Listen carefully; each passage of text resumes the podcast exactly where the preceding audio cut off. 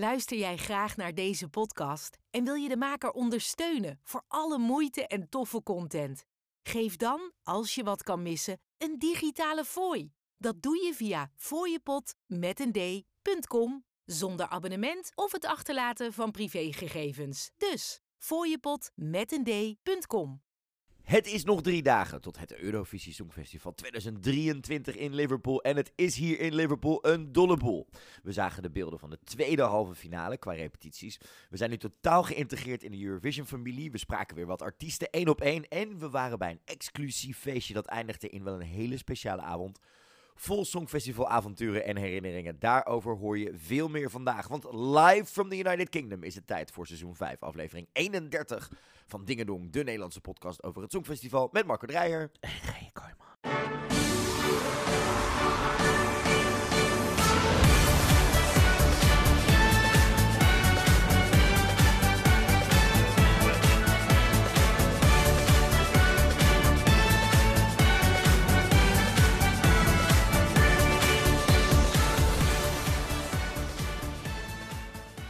Ja, leuk dat je luistert naar Dingedong, de Nederlandse podcast over het Eurovisie Songfestival met Marco Dreyer. En met Gij Kooijman. Live vanuit Liverpool, de stad waar dit jaar het Songfestival plaatsvindt. En Marco, nog drie dagen. Nog drie dagen. Nog drie dagen. Nou, zo voelt het al lang niet meer. Het voelt alsof ik er al middenin zit. Maar goed, dat, dat, dat, nog drie dagen tot de officieel... Tot, de eerst, tot we Tedeum voor het eerst horen en de eerste halve finale zal plaatsvinden hier in Liverpool. Natuurlijk op dinsdag 9 mei. We hebben gigantisch veel te bespreken deze week. Eh gisteren hoorde je natuurlijk een interviewpodcast hè, met een aantal hele toffe interviews erin. Mhm. Ehm, en vandaag zijn we weer terug bij je om weer te podcasten. Het is eh, vroeg, daarover zo meer. Maar wat kun je vandaag verwachten? Vandaag bespreken we reacties van de luisteraars. We bespreken alle beelden van de tweede halve finale. Want daar hebben we eindelijk de repetitiebeelden van mogen zien. Hoe het eruit gaat zien op tv. We geven onze eerste indrukken over de repetities van The Big Five en Oekraïne, die natuurlijk mochten repeteren.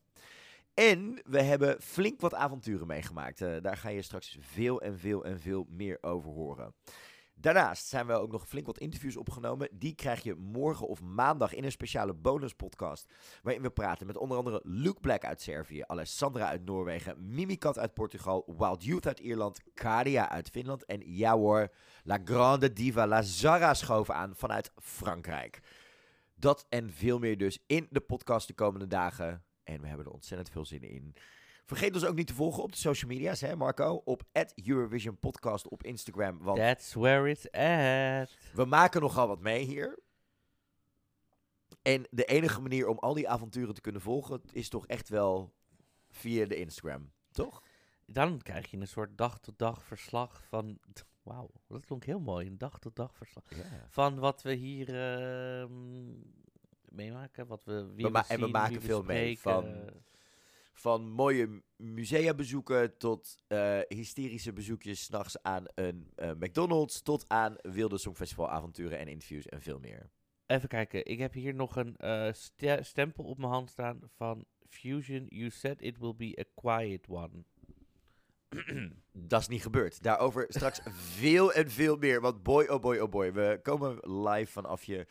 Daar gaan we straks iets meer over hebben. Maar Marco, we moeten het ook nog even hebben over de fooiepot. Want er zijn weer drie nieuwe fooitjes binnengekomen. Hè? Ja. nog Twee, twee die we even willen noemen. En- Twee, ja, maar er zitten er ook nog wat tussen de luisteraars zo. Dus die, maar die komen we zo nog wel tegen. Dus als je, dat komt goed. Eh, Robert en Mari, dankjewel ja, super voor de lief. donatie.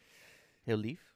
Mocht je dit willen doen, dan kan dat via fooiepot met een d.com slash dingadong. Dus je podden. Met een d. Ja, het is echt super lief. Super dank voor iedereen die een fotootje doneert. Eh, eh, dat helpt ons heel erg hier. Hè. We, zijn net, eh, we zijn vroeg aan het opnemen vandaag. Daar drink ik nu met, met zelfgehaalde thee uit de supermarkt gewoon. Want we doen gewoon, zoals ik al zei, netjes boodschappen. Dus Ja, we hebben gisteravond lekker ook kunnen, kunnen koken, zoals je hebt kunnen zien. Ehm, maar het is nu half tien ochtends, terwijl Charles gekroond wordt. En wij zitten hier gewoon lekker. Ik heb net Oh even ja. croissantjes gehaald voor ons.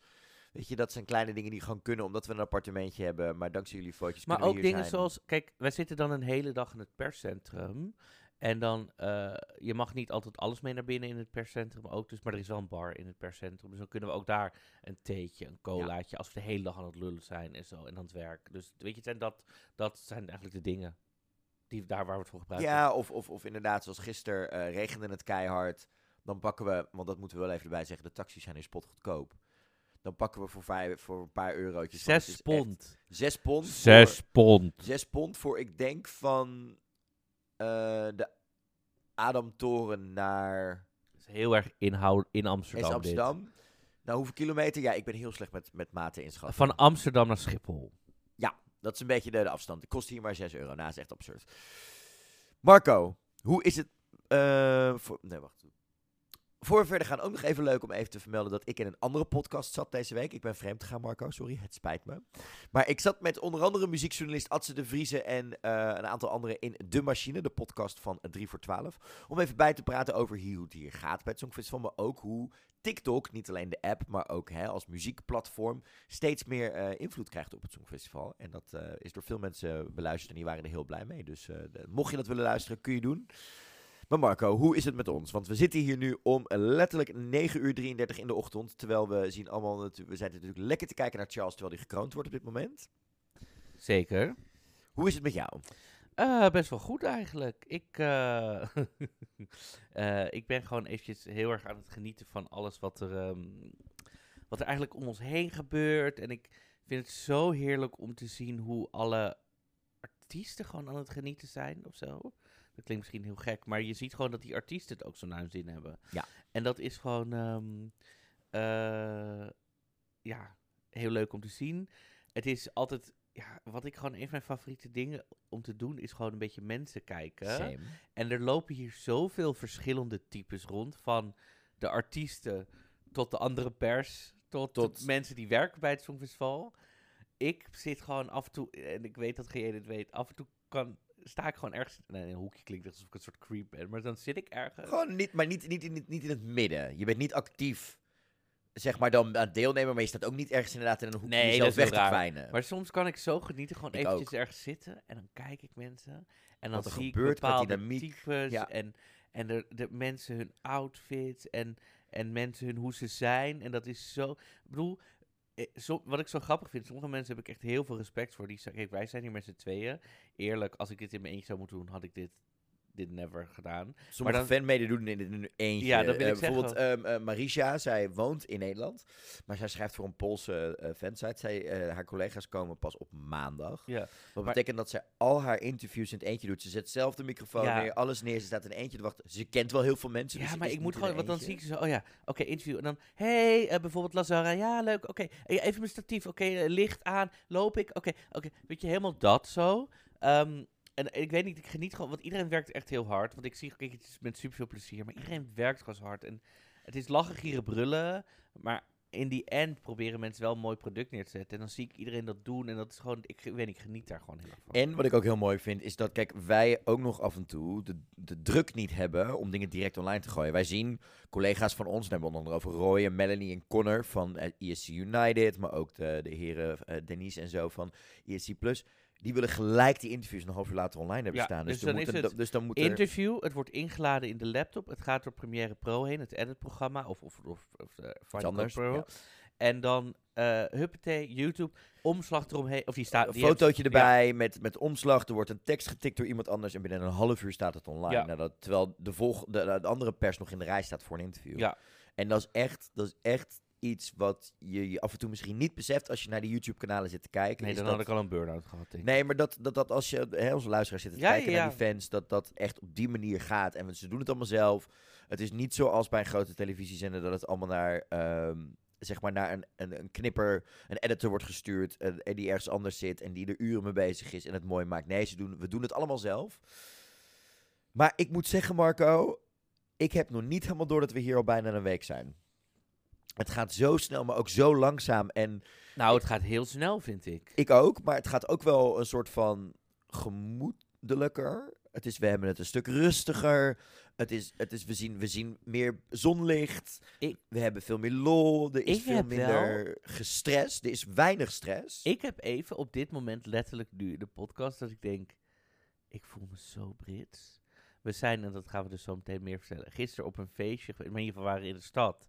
Ik heb alleen maar dronken Britten gezien die uitgaan in het ondergoed. Ik zit hier op een, op een, op een bruine bank mijn English breakfast tea te drinken, terwijl ik naar de kroning van de Britse koning zit te kijken. Hoe Brits wil je het krijgen? Ja, het is heerlijk hè, dit.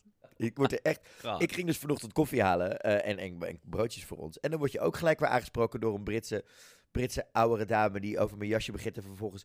Ja, ik moest even koffie hebben, want ik ga ook naar de Charles en de Kroning kijken. En wat vind je van onze stad? Het is hier heerlijk. Ik zit ondertussen ook gewoon te spotten hier of ik Wi- Willem-Alexander al ergens eh, voorbij zie hobbelen. Die is hier natuurlijk ook... eh, Ze moeten het dan eens even uitzetten, liefie. Dat we er een beetje joh, dit bij is hebben. gezellig. dit is gezellig. We proberen niet te veel afgeleid te zijn door de kroning. Maar eh, ja, het was een, eh, een wilde week. We- hebben echt heel veel leuke dingen meegemaakt. We zijn naar een museum geweest. Ik, ehm, andere dingen. Maar het is echt, ja, het gaat op zich wel goed. Ik slaap op zich genoeg. Ehm, ik vind het heel erg leuk. We hebben het heel erg naar ons zin inderdaad. Ik merk ook dat die kandidaten net heel erg soort van relaxed zijn. De repetities lopen goed. Iedereen heeft er zin in. Ehm, ze mogen ook weer alles. Dus we komen ze constant door de hele stad overal tegen. Wat ook gewoon lekker werkt. En het is gewoon zo. We hebben gisteren een klein regenbuitje gehad, maar dat was het. Ja, maar dat is midden op de dag. We zaten in het perscentrum. Oh, Nou, nee, wij- waren net- aankwamen. Wij waren net vijf minuten binnen. Toen ging het hosten. Toen ging het keihard host, dus wij hebben geluk gehad. Ja. Maar, ik zag ook mensen binnenkomen die echt zijknat waren. Maar ja, ik heb er ontzettend veel zin in. Ik heb, ik heb een soort van, daarom zei ik net ook, ik heb nog niet het idee dat het drie dagen is. Totdat die eerste halve finale er is en we al weten wie, Nee. de eerste tien weten die doorgaan naar de Maar finale. dat komt ook, dat is het verschil met dat wij nog niet eh, het in, de, in het stadion hebben, gezien. Dat, ja. Dat missen we denk ik een beetje. Want normaal konden we het, het al, nou niet de hele tijd, maar... ging het, nou, maar het ging normaal alleen maar over de repetities. Ja. En de wedstrijd. Ja. En nu gaat het veel meer over de lol, de mensen, de creatieve dingen die er gebeuren. Af en toe over de thee en het drama. Want oh boy, oh boy, oh boy. Er is genoeg gebeurd de afgelopen dagen sinds de vorige podcast. Ook met ons persoonlijk.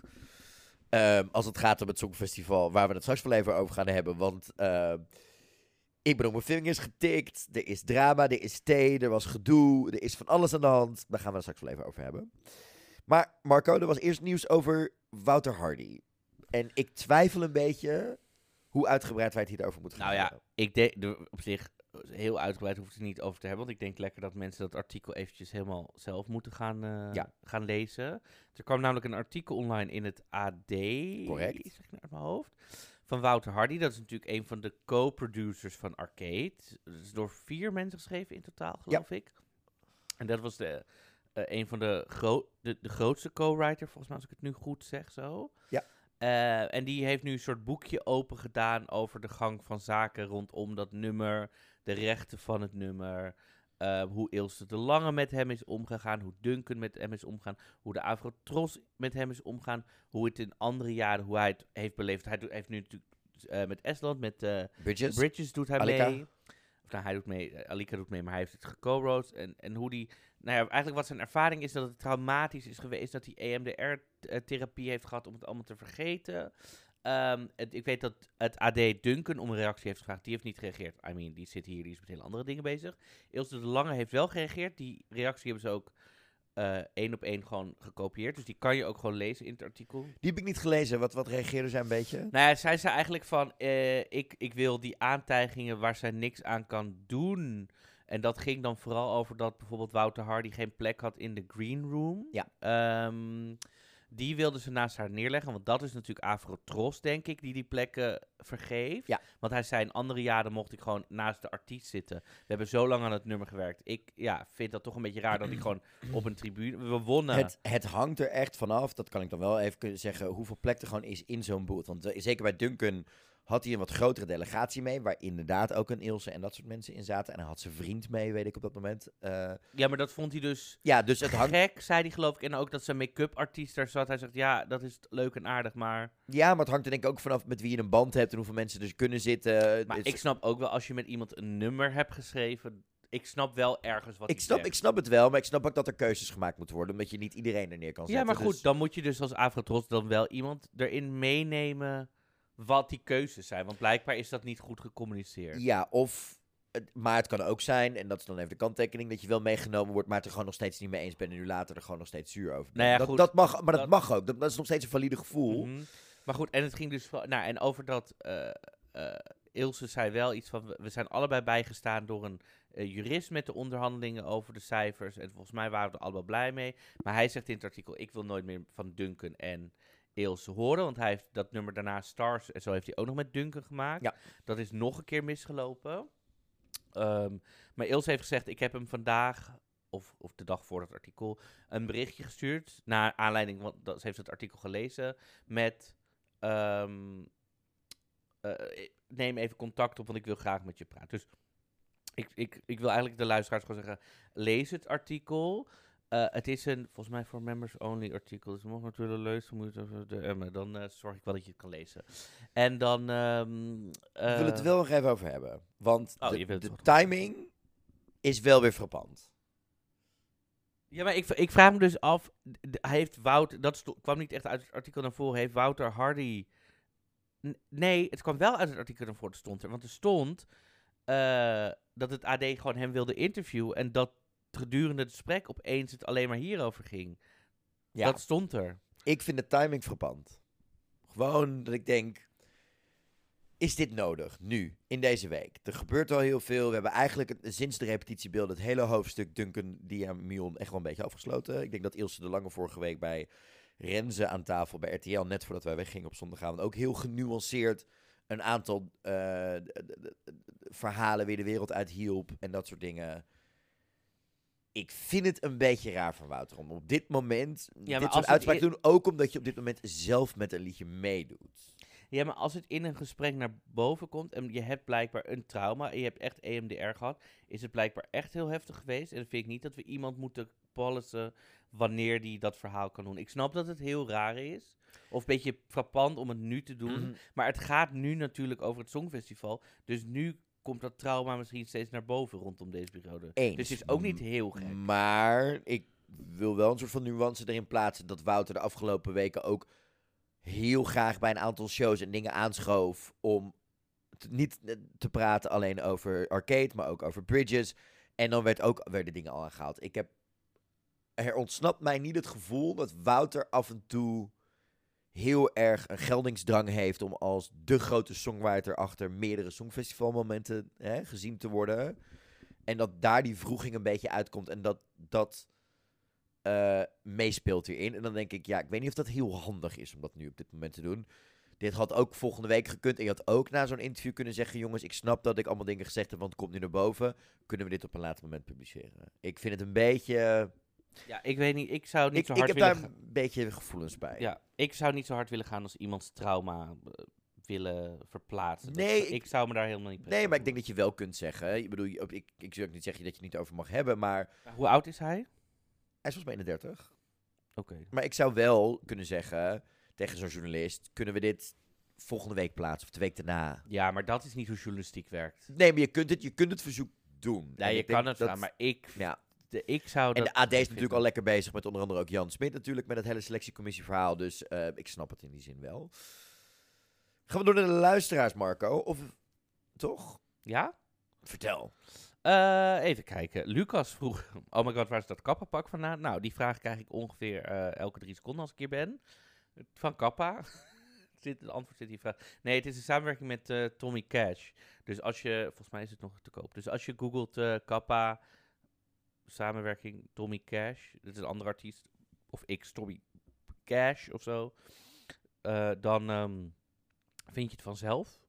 Eh, er is ook een bijpassende broek bij. Alleen die broekmaat gaat niet tot de maat die ik pas. Dus dat is jammer. Jammer. Eh, maar ja, je bent lekker looks aan het zetten hier. Ik doe- Allebei. ik doe gewoon mijn dingetje. We doen allebei ons dingetje. En het, het wederom, het- we krijgen er heel veel reactie op. Ik krijg echt mega veel reacties van Ja, mensen op looks. lachen. Mensen die vragen, oh my god, waar is het vandaan? Ik moet dit ook hebben. Artiesten.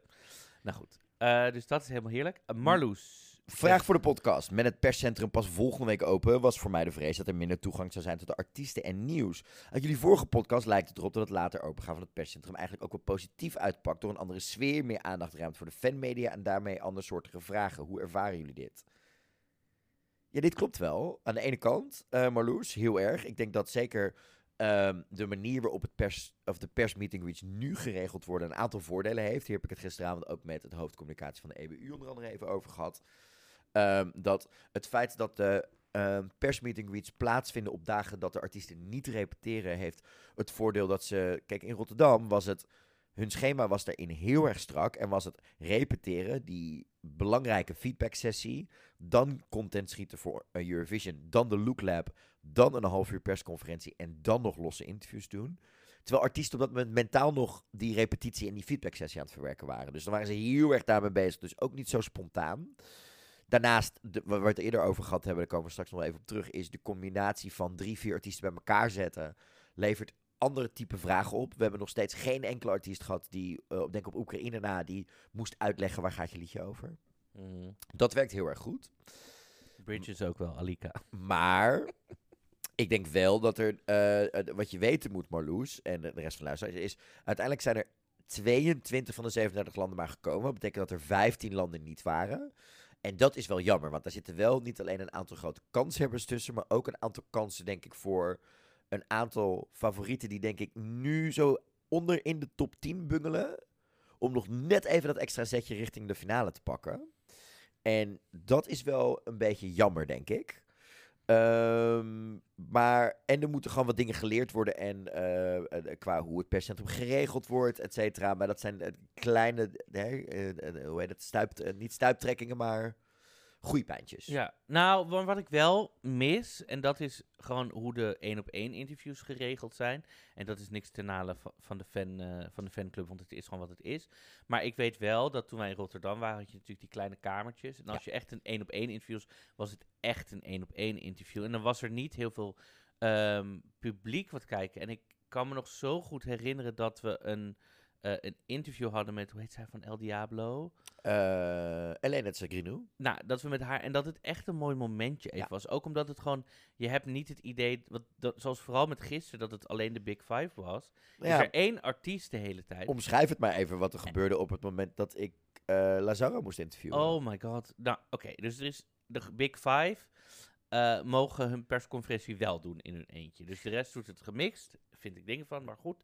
Dan komt zij, zij gaat het podium af, dan gaat, loopt ze via backstage naar de ruimte waar iedereen staat. Normaal verspreidt de pers zich natuurlijk, oh jij doet die, die, die, die. Nu is er maar één artiest, dus alle fanmedia willen één artiest. Dus GJ gaat als eerste... Als eerste dat ja, was als eerste bij Lazara. Lazara interviewen. En dan staan er dus 60 mensen of 70 mensen... Naar maar te kijken. Naar jou te kijken van... Dus dat, is heel, dat, is, dat geeft een bepaalde sfeer. En, ja, en dat dingen, geeft en, niet een, nee. een lekkere. Nou ja, bedoel, je kan prima interviewen, maar het is een andere sfeer dan dat je even kan zeggen: oké. Okay. En weet je, en vooral ja. voor ons, kijk, als wij. Wij maken um, audio en wij willen gesprekken maken. Nee, ja, kijk, als wij zeggen: hé, hey, we doen een podcast, we doen niks met beeld. Dus je kan. Dan zien wij heel vaak, wat, wat we missen een beetje, of wat ik zie, mis, is dat je artiesten ziet ontspannen in hun postuur. Omdat ze denken: oké, okay, het, wat, wat ik met mijn hoofd doe, maakt allemaal even niks uit. En dan gaat er een soort guard down. Ja. En dan kunnen wij vaak mooie gesprekken uh, voeren. En dat is het enige wat ik, wat ik mis. even mis. Ja. Dat is het enige wat ik wil zeggen. Eens. En zelfs al in het perscentrum, waar je dan soms, de kamers waren soms ook vol, maar dan stond je zo ver uit elkaar. Snap je? Als in, dan was aan de ene kant van het perscentrum zat één artiest nog op een bankje, aan de andere kant, aan de andere kant. Zelfs dan had je die ruimte daarvoor een beetje. En die, en die muziek ja. dat ook een beetje.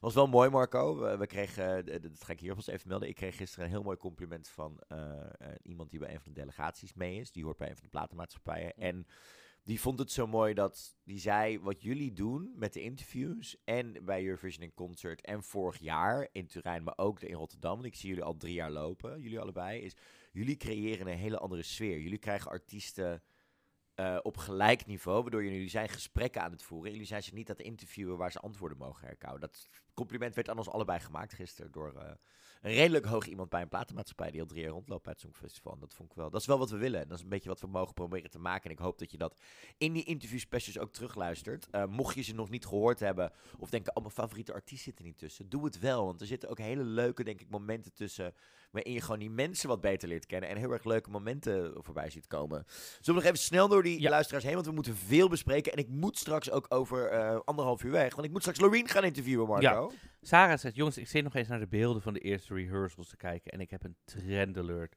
Salierte! In zowel haar als kleding of de elastieken. Zweden, Moldavië, Estland, Litouwen, Zwitserland, Finland, Tsjechië, Ierland, IJsland, Oostenrijk, Albanië en zelfs vlechtjes van Mia. Aan bijna elke outfit hangt wel iets te wapperen heb ik een kleine uh, verklaring voor. Uh, we zitten natuurlijk nu in 2023 uh, rela reviven de, de, de Zero's. Ja, de Zero's. Een beetje qua mode. En dat soort dingen. Dus we zitten in de Y2K fase, zeg maar. En een heel groot deel daarvan was natuurlijk ook de goth En die hadden van die parachutebroeken met allemaal slierten eraan. Ja, en ik, denk hem- dat ik dat... Ik had er drie. Ik had...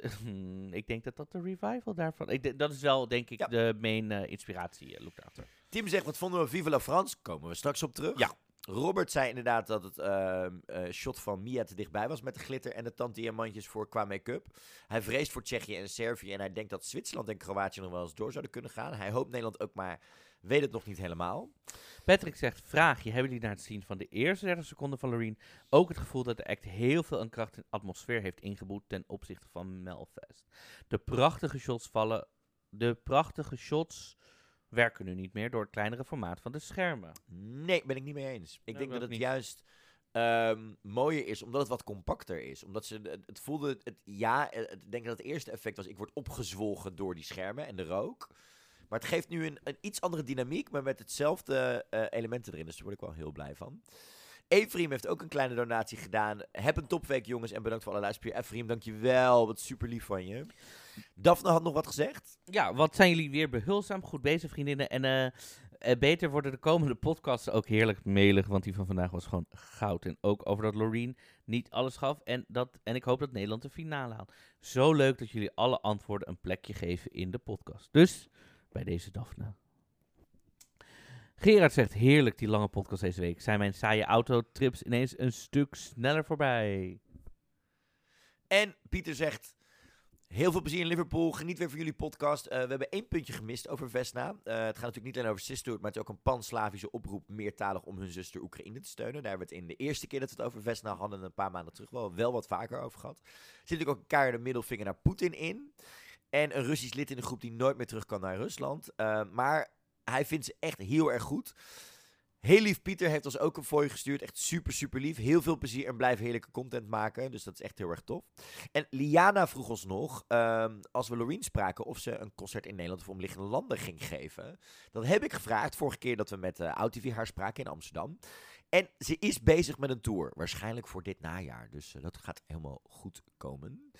We hadden nog even gekeken naar eh, Mia en Dion of die zich gaan kwalificeren voor, een poll. De, voor de dingen. Die poll die hebben we op de Spotify, Spotify. een poll gedaan. Marco, wat komt eruit? Eh 7,2% zegt sowieso, dus dat zijn de positieve mensen. 13% zegt zeker niet, dat zijn de negatieve mensen. En dan hebben we nog de twijfelaars, 79,7%, die weten het gewoon niet. Wij weten het ook nog steeds niet. Nee. Eh, dat hangt gewoon echt van die ijzersterke eh, eerste halve finale af. Marco, laten we eerst even al onze avonturen bespreken van de afgelopen dagen. Ja. Daarna bespreken we de tweede halve finale qua repetitiebeelden. Daarna de Big Five en Oekraïne. En dan zijn we er wel weer voor vandaag. Ik denk doe even een agenda, even huishoudelijke hè, boekorde, dat soort dingen. Marco, eh, na onze vorige podcast Ja. zijn we... waar zaten we toen? Woensdagavond, dat is woensdagavond. Toen zijn we Ja. Eh, nog lekker wezen eten. zaterdagochtend. Ja, wij zijn toen lekker wezen eten. Waar zijn we ook weer? Oh, we zijn lekker wezen eten. Oh, hier om de hoek zit... eh, ik wilde de hele tijd zeggen Tiger King, maar dat nee, dat niet was waar. dinsdag. Dat we, wat hebben wij woensdag? Ik weet, ik weet welke dagen. Hangen er aan elkaar vast. ik weet het al niet eens meer. Wat we hebben gegeten allemaal. We eten zoveel lekkere dingen. Ik, eh, Ik weet het ook niet meer. Eh, maar donderdag in ieder geval. Donderdag was de Euroclub weer. Het waren de, de, de vooral repetities van eh, landen die in de eerste halve finale zitten. Want die hebben natuurlijk de dag ervoor een repetitie gehad. Dus die waren de persconferenties, ja, niet de, de persconferenties. Ja. Dus nee, maar op woensdag konden die moesten die nog repeteren. Dus op donderdag In de Euroclub waren ze, in, waren de- de- waren ze in de Euroclub. Omdat ze Ja. dus de dag ervoor konden repeteren. Je Waardoor- zei het waren de repetities in de Euroclub. Oh nee, Even nee, voor dat, de- nee, dat nee. was niet zo. Goeie, het is goeie, goedemorgen. Nee, even Goedemorgen, voor het de is vroeg, ik duidelijkheid. heb één koffie op. Ja, even dat we het duidelijk houden. Woensdag in deze repeteren. podcast? You would never know. Woensdag repeteren, donderdag in de Euroclub voor de persco's. Eens. Eh, de eerste persconferentie die we daar kregen was Noorwegen, Malta, Servië en Letland. En toen kregen we natuurlijk eindelijk Luke Black. Luke Black, die een soort eh, friendship heeft eh, met eh, Alessandra van Noorwegen. Dat heb je op de stories kunnen zien. Ja. Mocht je nou iets gemist hebben trouwens qua onze stories... Ga dan gewoon even naar onze Instagram toe, want dan zie je van die mooie rondjes staan. Die heten highlights. En daar zie je dus per dag slaan we op, slaan we alle stories op. Zodat je dus alles kunt terugkijken. Je kan dus zelfs al onze hysterische avonturen van Rotterdam 2021 per dag terugkijken. Hè? Ja, heb ik laatste keer gedaan. Gewoon om even dat gevoel te krijgen. Dat je er tijd voor hebt. Ja, ik zat in de trein, ik had er zin in. Maar Noorwegen, Malta, Servië en Letland, dit werd, nou, dit was een persconferentie. Hier gebeurde ook weer van alles, want wij kwamen aanlopen. Dat heb je ook kunnen zien. Eh, en Malta was wat te laat. Wij kwamen aan met een taxi, want het had geregend. we waren hier heel laat bezig geweest om de podcast af te maken, dus het was wat krap voor ons. En we komen aan en die drie jongens van de busker staan daar compleet confuus aan de, want de taxi opstap- en afzetplek is aan de andere kant van waar de ingang Ja, is. dat is ook heel gek. Nou ja, ik snap het wel, want er staat s'nachts best wel een rij schijnbaar daar voor die club. Dus dan, is dat, dan sta je niet voor de club en moet je dan nog de hele rij af, maar begin gaat het einde van de rij. Mhm. Maar wij liepen gelijk, hey gezellig, hoe is het? Loop met ons mee, wij weten waar je heen moet. Ehm, en toen gingen we de persconferentie zitten en toen zaten dus inderdaad Alessandra, Sudden Lights en eh, Luke Black zaten er al. Dat was een beetje een droog, rustig geheel. Alessandra was daar ook nog wat rustiger. En vervolgens kwam Malta erbij en werd het bloedgezellig. Ja, die, die, die maakten het echt los meteen. En eh, ja, Er zat hier dus een momentje in met Alessandra der, der haar. Want die heeft een gigantische eh, staart had ze in. Of het nou echt haar was of extensions, dat weten we niet. Maar daar zat ook een rode gloed in. had ze en, gisteren ook rood haar? ja, en, Oh, dat ehm, dus en toen ging Luke, die ging dat over zijn hoofd heen gooien. Terwijl zij, ze waren oprecht, en dit moet ik wel even rechtzetten. Want op het internet, je weet het natuurlijk, ging dit gelijk weer los. Ehm, die dachten van, oh, ze zijn die twee in het zeikert nemen, ze luisteren niet. Nee, ze waren aandachtig aan het luisteren. Alleen het antwoord was zo grappig. Dat zij ondertussen gewoon lekker aan het kutten waren. Want ze zijn, waren gewoon ontzettend ontspannen daar. Ja. Ik nog mooi, eh, ik vond het ook wel leuk om ehm, Noorwegen, eh, de- de Alessandra te horen over dat het totaal, zij voelt totaal geen competitie onderling met de rest van de kandidaten.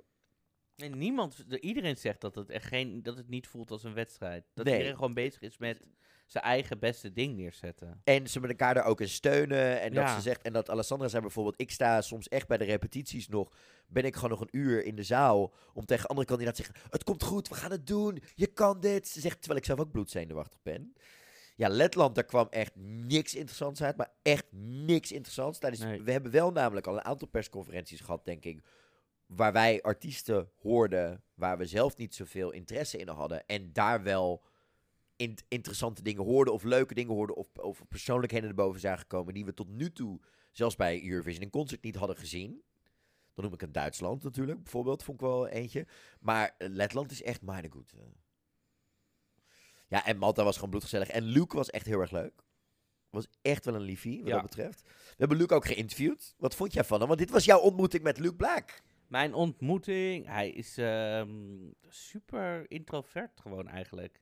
Hij is echt heel erg ehm, helemaal niet bewust van wat hij eigenlijk aan het doen is, denk ik. En eh, niet op een rare manier, maar gewoon zo... Oh ja, ik maak gewoon een beetje zo'n nummertje en een beetje met een decoortje. Terwijl het is super ingewikkelde Wauw. materie. En hij zegt zo, oh ja, maar we doen, ja, we doen gewoon, ja, weet je. Hij weet niks van fashion. Dat was de grootste what is happening in my life. Dat had ik natuurlijk nooit verwacht. Dat had ik ook niet verwacht. En eh, in het interview wat je later deze week met hem hoort, eh, was hij ook een soort van verbaasd dat hij een keer heel uitgebreid kon praten met wie die dingen allemaal maakt. En ja, dat wie vond zijn ik. team is. Ja, maar ook zijn creatieve Ja, een input. eh, ja. dingen, niet alleen bij het Songfestival, maar ook daarbuiten. Mhm. En hoe dat werkt en hoe tof hij dat vindt. En we hebben het uitgebreid over Amsterdam en Haarlem. Mhm. eh, waar hij natuurlijk muziek over heeft gemaakt. Eh, ja, ik was echt heel erg fan van... Ik heb daar even een vraag over. Daar heb ik het helemaal nog niet met jou over gehad. Hij zei, ja, er was een treinrit van Amsterdam naar Haarlem, ongeveer zes uur. En ik was zo inspired. En ik dacht alleen maar, meid, welke trein heb jij genomen? Nee, het was een... Het, het, het, het- het- je moet goed luisteren naar wat oh, Black anders, zegt. ik dacht, was even een beetje Luke. Black zei, Ja. he- heel specifiek, en dan snap je het misschien wat beter. It was a very long trip, about six hours, including a train ride back from Haarlem to Amsterdam. Oh. Ik denk dat het woord trip daarin een belangrijke rol oh, speelt. ik dacht dat hij zei, ik heb zes uur in een trein. Ik denk, meid, welke trein heb jij genomen? Maar nou, die trein, oké. die trein, ja.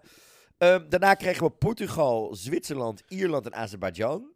We kregen dus inderdaad Remo Ferrer, Mimikat, Zo. Wild Youth en de eh, Turan Turan X. Remo Ferrer is me toch een partijtje niks? Nou ja, oké, wacht even. Even, even, Oh, even, sorry, ik even, begin meteen met het negatieve. even nuanceren over eh, eh, hoe dat zit. Die jongen is ontzettend aardig. We hebben hem gisteravond op die Oh. hele speciale avond ook weer gesproken. Maar jij, ik, ik, ging, ik zag wel wat wij in de vorige podcast bespraken en jij vooral naar boven hield. Hij moet zijn eigen identiteit nog ontwikkelen. En er zat één antwoord in die persconferentie, daar mag jij het even over hebben, heel kort, waar we 100% zeker wisten dat dat het geval was. Ja, er werd gevraagd naar zijn outfit, volgens mij, of naar de act, naar iets. Ik vroeg, ik vroeg naar zijn stage Oh, outfit. ik vroeg vroeg hun wat. allemaal naar hun stage outfit. Jij vroeg weer wat. Eh, nee, nee. Eh, jij vroeg naar de outfit. En toen het antwoord kwam van ja, ik, eh, ze hadden deze outfit voor me bedacht. En ik vond ik helemaal niet. Ik, ja, ik vond eigenlijk niks. Of ja, ja. En toen, nou ja, ik moest het dan toch aan. En toen had ik het aan bij de eerste repetitie. En toen, ja, toen ging ik terugkijken op de beeld. Toen dacht ik ja, oh ja, ja, ja, het ziet er toch wel een beetje ja, oké uit. Dus nu hou ik het toch maar gewoon lekker aan. Gewoon, er zit geen, er zit geen mening in die jongen nog of zo. En dit, dit zei ik natuurlijk al eerder van. Hij, komt, hij heeft net pas de Voice gewonnen. En dit is pas zijn eerste stap in, in zijn artistieke wereld of zo. Zeker. Dus die, die jongen moet gewoon nog heel veel meters maken en gaan ontdekken. Oh, dit vind ik tof en dit en dit wil ik gaan maken. En, en die jongen is, is nu gewoon iemand die heeft ontdekt: oh, ik kan zingen. En die moet verder daar nog helemaal vorm aan geven. Dus ik, ik ga daar verder ook niks meer over zeggen. Maar ehm, ja, dit, dit is gewoon een goede, hartstikke aardige jongen met een mooie stem. Maar die, qua artisticiteit moet, moet hij nog nog heel vinden? veel Moet nog vinden? en Dat is prima. Azerbeidzjan heeft een enorme taal. eh? Barrière. Dat merk je gewoon aan alles. Er wordt soms grapjes gemaakt. Of dan loopt het. eh, eh, de, de persco een beetje uit de hand. En dan zeggen zij zo. eh, en dan slaat het meteen weer dood. Omdat En dat is, de- dat is oké. het is oké, maar dat is wel voor de persco's. Voelde het een beetje jammer af en toe. Ik dacht, oh shit, als jullie Maar ze nou proberen wel om mee te komen. Het is Ja. dat is echt heel erg tof. Het zijn, we- ik, heb ze ook, ik stond op een gegeven moment te roken. En, want ja, je weet het misschien als je de podcast volgt. Ik probeer te stoppen met roken. Maar deze week zijn gewoon even stressvol en dat soort dingen. Maar ehm, dan waren het, het zijn hele aardige, lieve jongens. Dat, Mhm. dat is echt, dat moeten we even erbuiten zeggen. Eh, ik heb gisteravond namelijk ook, dit wil ik wel even zeggen, eh, nog een mooi gesprek gevoerd met eh, de, drum, of de bassist van Ierland. ehm, over precies dit. Wat wij vinden van mensen hun nummers, staat los wat we van die mensen vinden. Dus gisteren met Azerbeidzjan, we stonden donderdag met Azerbeidzjan, ik stond even met ze te kletsen. Het zijn schatten van jongens, die tweeling. Maar we vinden gewoon dat nummer niks. Maar dat betekent niet dat wij ook bij de persco's een soort van ze, nee, het zal wel, of, of lullig tegen ze doen, of dat soort dingen. Ehm, dus dat moesten we even, denk ik, hardop zeggen. Nou, en geloof me, als iemand zich als, als, iemand zich als een diva zou gedragen, o, in een slechte manier, Ja. of iemand zich echt als een artiest, als een totale asshole zou gedragen, ben ik de eerste hier in de podcast die zegt, los van het nummer, Ja. is die persoon een asshole. Dat, dit jaar heb ik nog geen assholes, geen, geen, Diva's, geen ge- gedoe, geen gedrag van, oh, ik geen blaskanto. Nee. maar ook, weet je, zo iemand als Karia die in de Wie Wie Wie Lounge, ga- gaan we het zo nog over hebben, letterlijk met elke Twee uur. fan... Twee uur is je bezig geweest. Met, el, met iedereen die wilde. Hij ging niet weg voordat iedereen een foto had. nou, wil je dat lachen? is Hij is zelfs gebleven om uiteindelijk nog de barista's te bedanken. Nou goed, dat is echt de vibe die dit jaar hangt. Ja. Ehm, Portugal was echt mijn, mijn, echt mijn verrassing van deze persconferentie. Ik vond er al leuk. En we hebben daar ook geïnterviewd. Dat interview hoor je straks. Maar dit was toch de manier waarop zij... Je merkt aan haar dat zij al wat langer bezig is in een carrière. Mhm. Eh, eh, eh, noem je dat nou oud? nee, maar iets langer bezig is. Dus ook weet wie ze is. Weet Ja, wat ja. ze doet. Weet waar ze voor staat. En daardoor het veel meer kan vertellen over de visie die ze heeft. Daar ook grappen over kon maken. Ik vroeg haar onder andere... Ik vroeg iedereen naar hoe je outfit. En zij zei, ik wilde er gewoon uitzien als Pido. Nee, serieus, ik wilde er gewoon uitzien als Pido. En toen ging ze door. En ze liep grappen te maken met Ierland over dat ze... eh, dat ze gedist was door die jongens. En die jongens van Ierland zijn echt de gangmakers. Die horen bij de gangmakers van dit jaar. Maar zij ook. En ik vond het zo leuk om met die, wat haar wat dieper in te gaan op eh, wat creatieve beslissingen die ze gemaakt heeft. En we hebben het natuurlijk met haar gehad over musicals. Ze, ze, ik was echt, ze zat in de musical, maar ze houdt heel erg van musical. Ja, en eh, ik moest zo lachen, want jij was dit interview aan het filmen op beeld. En ik heb het weer over musicals. En ik stel haar een vraag die aan het einde van het interview zit over eh, deze, haar performance is geïnspireerd op Chicago. En ik vraag, ben jij zelf meer een Roxy of een Velma? En ik zie jou gewoon bij jezelf nadenken, wat ben ik eigenlijk? En wat ben ik, GJ? Jij bent echt een Velma. Sorry, schat. Jij bent echt een Velma. Persoonlijk en professioneel. Ierland hebben we ook gesproken. Dat was een beetje, daar was ook nog een mooi momentje mee. Moeten we heel snel even aanhalen. Wij stonden buiten te wachten op een interview en daar gebeurde iets heel speciaals met. Want het mooie is aan de Euro Fanclub, het is af en toe wat chaotisch hierdoor. eh, de Britse fans die er al zijn, mochten ook gratis kaarten vragen en mochten dan de artiesten ontmoeten daar. En daar zat een momentje net wat net voor onze neus gebeurde, wat echt prachtig was met een transvrouw, toch? Ja, er waren twee. Nee, er was een transvrouw en een vriendin waren daar. Die stonden voor ons in de rij, geloof ik. En eh, die, die stonden al de hele tijd zo te wachten. En op een gegeven moment waren ze aan de beurt. En toen ze fluisterde iets in hun oren. Dat, uiteraard heb ik dat niet gehoord. Het was, zal ongetwijfeld ook iets privé zijn geweest. Maar ehm, eh, zij moest heel erg huilen. En die jongens moesten echt wel een traantje laten eigenlijk. Ja. Ehm, en, en je zag gewoon dat er echt even dat het. Want zij waren, ik zag ha- haar al de, de- hun al de hele tijd in de rond lopen. Vooral ook omdat zij hadden een hele soort van kleurrijke jelly-achtige wandelstokken mee. Of zo van Zij, heeft- zij, heeft een eh, eh, fysieke eh, beperking. Ja, maar ze En hele... daarom had ze gekleurde groene wandelstok mee. Dat is A, haar favoriete kleur. En B, ze was fan van Kadia. Ah ja, nou ja, goed. Dus ik, die vielen heel erg op, die, die wandelstok. Dus ik had haar gezien. En toen had ze dus echt een heel mooi momentje. En ehm, ja, dat was eigenlijk ook gewoon... dat ik dacht, oh ja, weet je, dit betekent gewoon dit ook voor heel veel mensen. Weet je wel, die muziek. En soms heb je gewoon eh, met een bepaalde artiest een klik, weet je wel. Ik kan, kan me daar alles bij voorstellen dat het eh, gebeurt bij een artiest. Ja, dit was echt wel heel erg mooi. Sowieso de jongens van Ierland, komen zo nog even terug. Eh, love them. Daarna hadden we een persconferentie met Kroatië en natuurlijk, hè, dat is LED 3 uit Kroatië en Finland met onze Kadia. dit was een combinatie waarvan ik van tevoren dacht, dit gaat of briljant werken, of vanwege het feit dat ze allebei eh, eh, ook een taalbarrière hebben hè, met het Engels. Engels is niet hun eerste taal, spreken het niet heel vaak. Kan dit ook heel awkward worden? Nou, dit was me weer een persconferentie. Dit was een persconferentie als je hier alleen de audio hoort en dingen uit de context haalt, leek het er bijna op alsof ze elkaar haten en elkaar constant aan het beledigen waren. Dit was echt heel erg grappig. Wat vond jij van deze persconferentie? Het was. ehm, ja, ik.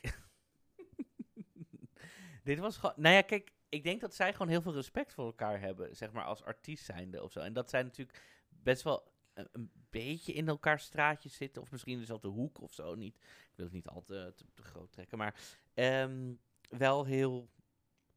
Het was gewoon een hele respectvolle eh, persco. En waar ik dacht, wel ook echt met humor, maar waar ik dacht, oh, ik hoop niet dat Let 3 zo alleen maar zo. Of zo gaat zijn. Terwijl dat was dus helemaal niet. Ze waren ze zo inhoudelijk. Ik heb ze ook nog gesproken voor een interview, wat helaas technisch gezien niet helemaal gelukt is, eh, vanwege de, technische omstandigheden. Maar ik vond het zo... Maar er- kwam ook een vraag van iemand van, volgens mij die Australische, volgens mij. ja, want er was een over- livestream vanuit de Australische Ja. fanclub. eh, die Iets met de tractor en staat het dan voor dit, bla bla bla, politiek. En zij, die, dus nou, toen moest het vertaald worden, dat was wel zo. En toen zei hij zo, no, this is not wrong. No, I want to be very specific. This is not a reference we are trying to make. Dat ik dacht, oh, je bent wel echt, want het, kwa- het kwam er best wel stellig uit. Eh, heel sterk. Ik denk Dat ze er vaak naar gevraagd zijn. Nou ja, of dat ik dacht, oh, dit is gewoon echt niet wat ze willen vertellen. Dus dan gaan ze ook niet mee van, oh ja, nee. Nee. Ik ben heel specifiek wat ik wil vertellen en dit is het niet. Dus daar laten we dat duidelijk hebben. Echt zo ik dacht, oké, nou, Ja, love it. en er werden ook grapjes, eh, natuurlijk grapjes gemaakt over wat ze aantrekken en doen, maar ook welke boodschappen erachter zitten. Geen ondergoed. Geen ondergoed en dat soort dingen. Ze kunnen vrienden worden met May Muller. Wat dat betreft. Maar is dat, zijn het inderdaad wel de is dat wel een thema dit jaar? Geen onderbroekjes. Maar ehm, ik vond het wel ook heel tof om Kroatië wat meer die uitleg te geven over hoe, zij om, hoe belangrijk kleding en visuals zijn voor hun als band al, al bijna 30 jaar. Ehm, hoe tof ze het vinden om als band die al een wat langere carrière heeft, mee te doen en eh, om deze boodschap te brengen. Eh, en hoe ze leuk ze het vinden om dan bijvoorbeeld met een kader die wat jonger is, eh, die vergelijkingen te trekken. was heel erg leuk. En daarna mocht ik Kadia interviewen. En Marco, dit was ook wel weer een ervaring op zich. Want het geluk is, ik mag naast voor Dingen Dong ook heel veel dingen voor OutTV doen. Dus we kunnen het combineren. Dus wij zijn daar ook voor OutTV. Dus ik heb zo'n ehm, eh, plopkap mee van OutTV erop. Waardoor we af en toe als eerste mogen, want dan zijn we het enige televisie-ding wat er is. Bij Kadia was dit echt wel weer een ervaring. Want eh, we hebben het net al gehad bij Lazara eh, over dat je dan heel veel mensen om je heen hebt. Jij zag dit gebeuren. Omschrijf even wat er gebeurde op het moment dat Kadia klaar is met de persconferentie en wij dat interview gingen doen. Want dit, dit zijn dingen die, die denk ik, we, die we niet op film hebben, maar die wel de sfeer goed weergeven over hoe zo'n Hero Club gaat. Oké, dus het, de persconferentie was klaar. Nou, dan moet Kadia, want hij is dit jaar gewoon echt een van de grote favorieten, moet hij eerst met iedereen, staat, is er nog niet eens het podium af, moet hij op de foto en poseren en dit en dat. Nou, dan gaat, eh, ik liep alvast naar de perswand, waar het mooie licht is, om die te claimen. Zo van, we gaan hier zo meteen interviewen. GJ gaat dan naar de perscoördinator, of de pershoofddelegatie of de, van, Van Finland. een interview, weet je nog. Ja, weer nog interview. Oh ja, jullie zijn tv, top. Nou, dan komen we zo heen. Nou, dan moet GE wachten tot Kadia met Jan en alle man eh, op de foto is geweest. Nou, oké, la la. Dus ik stond bij die perswand. Dus ik stond, er staat dan even die camera zo alvast eh, klaar, weet je. Dat als GE aankomt. Dus ik, dus GE komt aanlopen met Kadia en die, die hoofdpers. En ongeveer 100 man zo erachteraan, zo met allemaal microfoons en camera's. Zo, "Oh." Maar ook toen we gingen filmen, ja, ik heb dat dan niet zo in de gaten, omdat ik met mijn rug naar die mensen sta. Maar dan draai ik me om als, ik, als we klaar zijn met dat interview. En dan zie ik echt zo soort, Dus er stond 60 man. Laten we 60 60, van- 70 man. nou ja, van die, van die hongerige hyena's, weet je wel. Die, Maar ook fans, andere delegaties, organisatie. Iedereen staat er. En ik kan me er gelukkig voor afsluiten. En Kadia en ik hadden echt een heel erg leuk moment. Want het was echt, nou ja, je hebt de story gezien. Dit was gewoon weer even lekker met z'n tweeën lekker bijkletsen en doen. En dat, vind, dat waardeer ik heel erg dat hij dat kan. Eh, maar het is wel heftig hoor. Want ik, je hebt het op een gegeven moment wel door dat er gewoon 60 man je interview staat te kijken. En ook omdat je wil natuurlijk een goed interview doen. Je wil niet dat die 60 man, je collega's denken... Jezus, staat hier weer een slecht interview te doen. Dus die, die druk voel ik af en toe wel een beetje hoor. Eh, moet ik je eerlijk zeggen. Maar ja, Kadia is gewoon... Dat interview ga je horen. Het is super gezellig. Hij neemt zo de tijd. Hij is zo aanwezig. Wat ik voor iemand die zoveel heeft meegemaakt... en zo zijn eigen dingen heeft... en zijn eigen lasten en dingen meedraagt... echt heel respectvol. Die jongen echt... Ik durf te wedden dat als je die op straat neerzet... spreekt hij iedereen aan... en, en gaat hij zijn eigen energie voorbij... om het andere mensen naar de zin te maken. Ja, I love die guy. Zo, zo ontzettend much. It was wild. En daarna gingen we om hem te supporten, want dat had hij ook nog gevraagd aan, aan mij. eh, gingen we naar de Wee Wee Lounge. Mhm. Waar we trouwens even, ja, oké, leuk dat Camilla er nu is, maar wij zijn de Queen of Eurovision tegengekomen. we kwamen, kwamen Hila tegen. Oh my god, ja. De, de, de Nederlandse pers eh, was aangekomen. Ja, want zij maken daar. natuurlijk de voorbeschouwingen. Die Ja. komen volgende week op televisie. Eh, en Hila heeft volgens mij, net zoals wij, bijna iedereen gesproken van het Songfestival. Mhm. Ehm, op hele toffe plekken, toffe interviews gemaakt deze week om die te laten zien. Respect dat Nederland dit doet, want in andere landen worden er gewoon alleen maar videoclipjes ingestart. Mhm. En zegt de commentator er wel of wij sturen echt nog een verslaggeefster die research heeft gedaan, die alles weet, die toffe gesprekken maakt. Dat de NPO daar tijd en geld in stopt, vind ik echt heel tof om te merken. Plus, nogmaals, kunnen we het er even over hebben. Die vrouw ziet er zo tering goed uit qua stijl. Die vrouw heeft zo'n gevoel voor stijl en chill. En tuurlijk heeft ze een stylist, maar ze weet ook wat ze aantrekt. En ze is zo ontzettend chill en leuk en aardig en ingelezen en alles. I'm like, oh, dit is echt een geval. Zij moet gewoon echt gewoon ergens een keer iemands banden hebben lek gestoken. Want someone like this cannot be this perfect and awesome. Deze vrouw heeft mij geholpen met mijn huis, hè. I know. Laten we eventjes wel I zijn know. ook. Dus, Maar eh, ja, die was daar ook om Kadia te interviewen. Maar wat gebeurde hier? Dit was voor het eerst dat Songfestival Mania heel zichtbaar was voor mij deze week. Want half Liverpool, van jongeren tot ouderen, tot vrijwilligers, tot andere landen, tot de fanmedia, tot iedereen was er om hem te zien of te supporten. Hij begint echt een, een, een, een buzz te creëren Ja, in deze stad. Een beetje zo'n cultpersoon, weet je wel? Zo, zo, zo, ja, hoe noem je het? Nou goed. Dus de, de, de Wiwi Lounge is natuurlijk in de Lush op de derde verdieping. En Ja. dat is natuurlijk de plek waar, het is midden in het centrum. Je hoeft niet vooraf aan kaartjes te regelen, Nee. links, die, weet ik veel. Je kan gewoon binnenlopen. In principe, als jij zeep aan het kopen bent op de tweede verdieping en iemand zegt toevallig, oh, Songfestival is boven, kan je gewoon naar boven lopen. Je hoeft niks te regelen. Er is daar een koffiebar. Nou, wij staan daar, ja, we waren daar en het was al druk en het werd drukker en drukker en drukker. Het was zo druk en het, het heftigste moment was van dan aan de, nou ja, als je binnenkomt links is dan de Wee Lounge, rechts is de koffiebar en, en de fototentoonstelling. Maar links was dus dat concert op een gegeven moment bezig met, met Kadia en helemaal, nou, ging optreden, helemaal tja, tja, helemaal energie. En William zegt, dankjewel, en blablabla, fijn dat jullie hier allemaal waren, William van, van Bibi Blogs.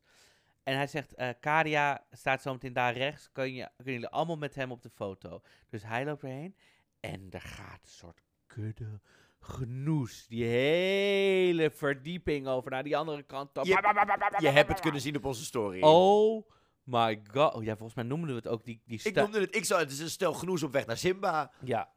Oh, Daar, daar, daar werd goed op gereageerd op deze Disney-referentie. Love me. het was, Disney. ja, heel veel reacties ook op gehad. Het was heel grappig. Ehm, maar dat, het, en wat ik net al zei, Iedereen. hij is met Iedereen. iedereen, op de foto. Met En het- Eh, Hetzelfde trouwens voor eh, een uur eerder, want toen we aankwamen stond Victor Venikoster van Griekenland. Die heeft ook iedereen constant foto's. Maar het is zo leuk om te zien hoe hier in die stad leeft. Want inderdaad, jongeren komen erop af die voor het eerst een Songfestival kijken, hun eerste Songfestival-artiest ontmoeten. De vrijwilligers komen kijken, andere delegaties. Ja, I love. Die sfeer hier is zo. Als dit de nieuwe standaard is voor hoe een stad omgaat met het Songfestival, kan niet wachten. Daarna, Marco, gingen wij eh, even snel wat eten, podcasten.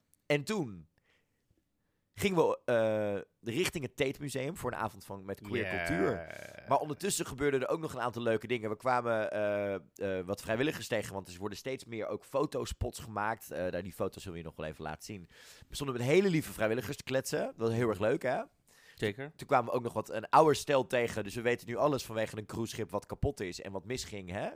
Mhm. Ehm, en vervolgens kwamen we allemaal artiesten tegen en werden wij weer voor artiesten aangezien. En waren we eigenlijk bijna op een doodsaai eh boottochtje beland. Zeker. Maar eh, eh, Slovenië probeerde ons nog overtuigen om, om mee te gaan. Ja, maar op een boot, je moet soms artiesten ook gewoon even lekker hun Nou, eigen... zal ik je wat vertellen? Ik kwam Bojan gisteravond nog tegen. Die Mhm. zei dat die boottocht bloedsaai was en die veel liever met ons was meegegaan. Echt? Maar die filmpjes die we zagen, gingen ze helemaal los in de Dat was daarna ergens anders. Ah.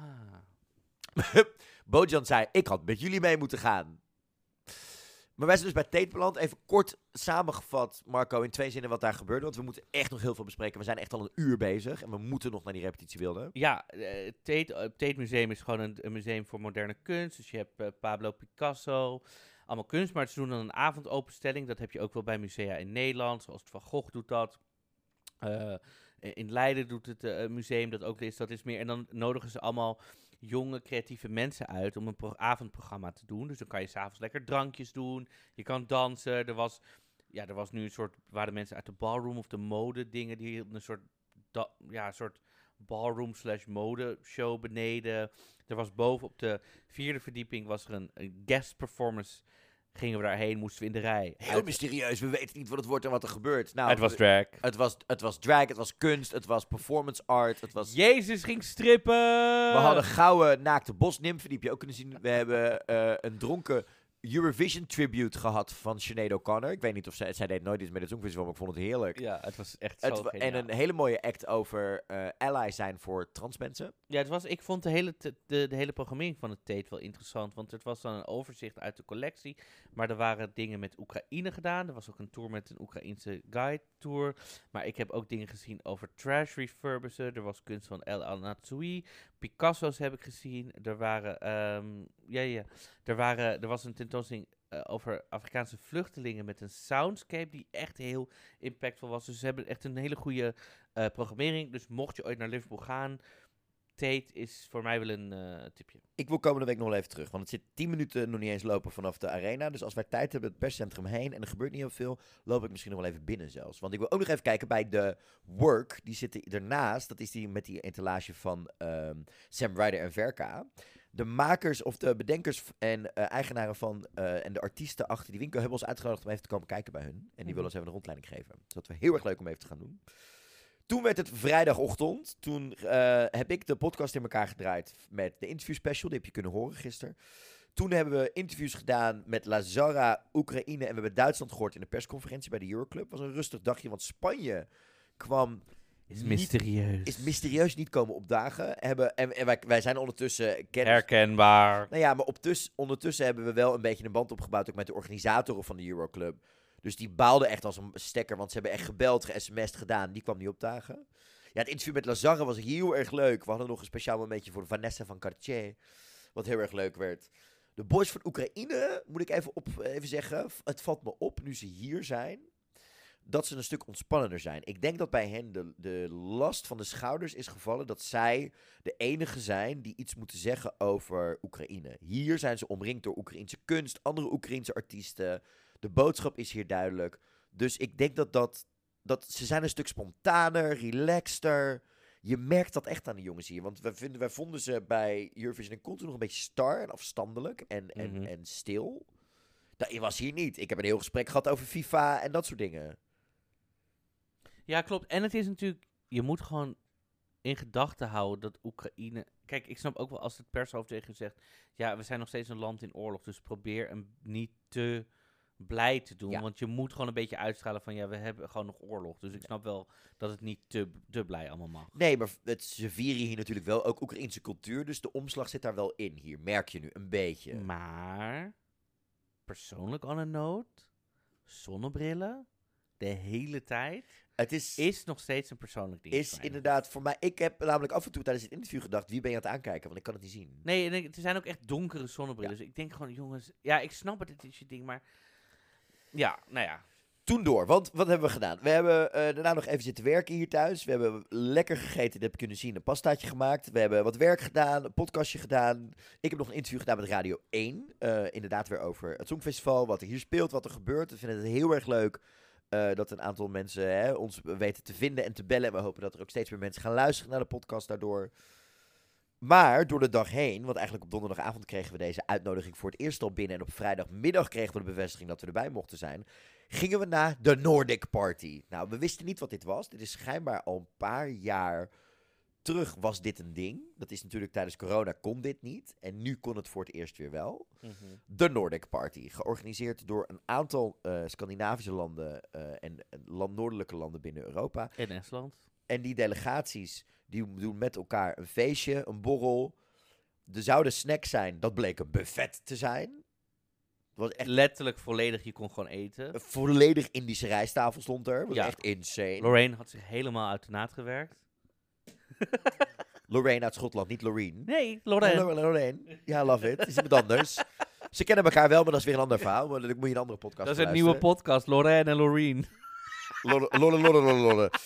Maar Marco, ehm, vertel. Wat, wat was van tevoren jouw idee dat we hier gingen meemaken? Oké, ik had dus bedacht dat we daar binnenkwamen, dat het een soort volle club zou zijn en dat zo tussendoor eventjes wat optredens, dat we vooral heel veel zouden dansen.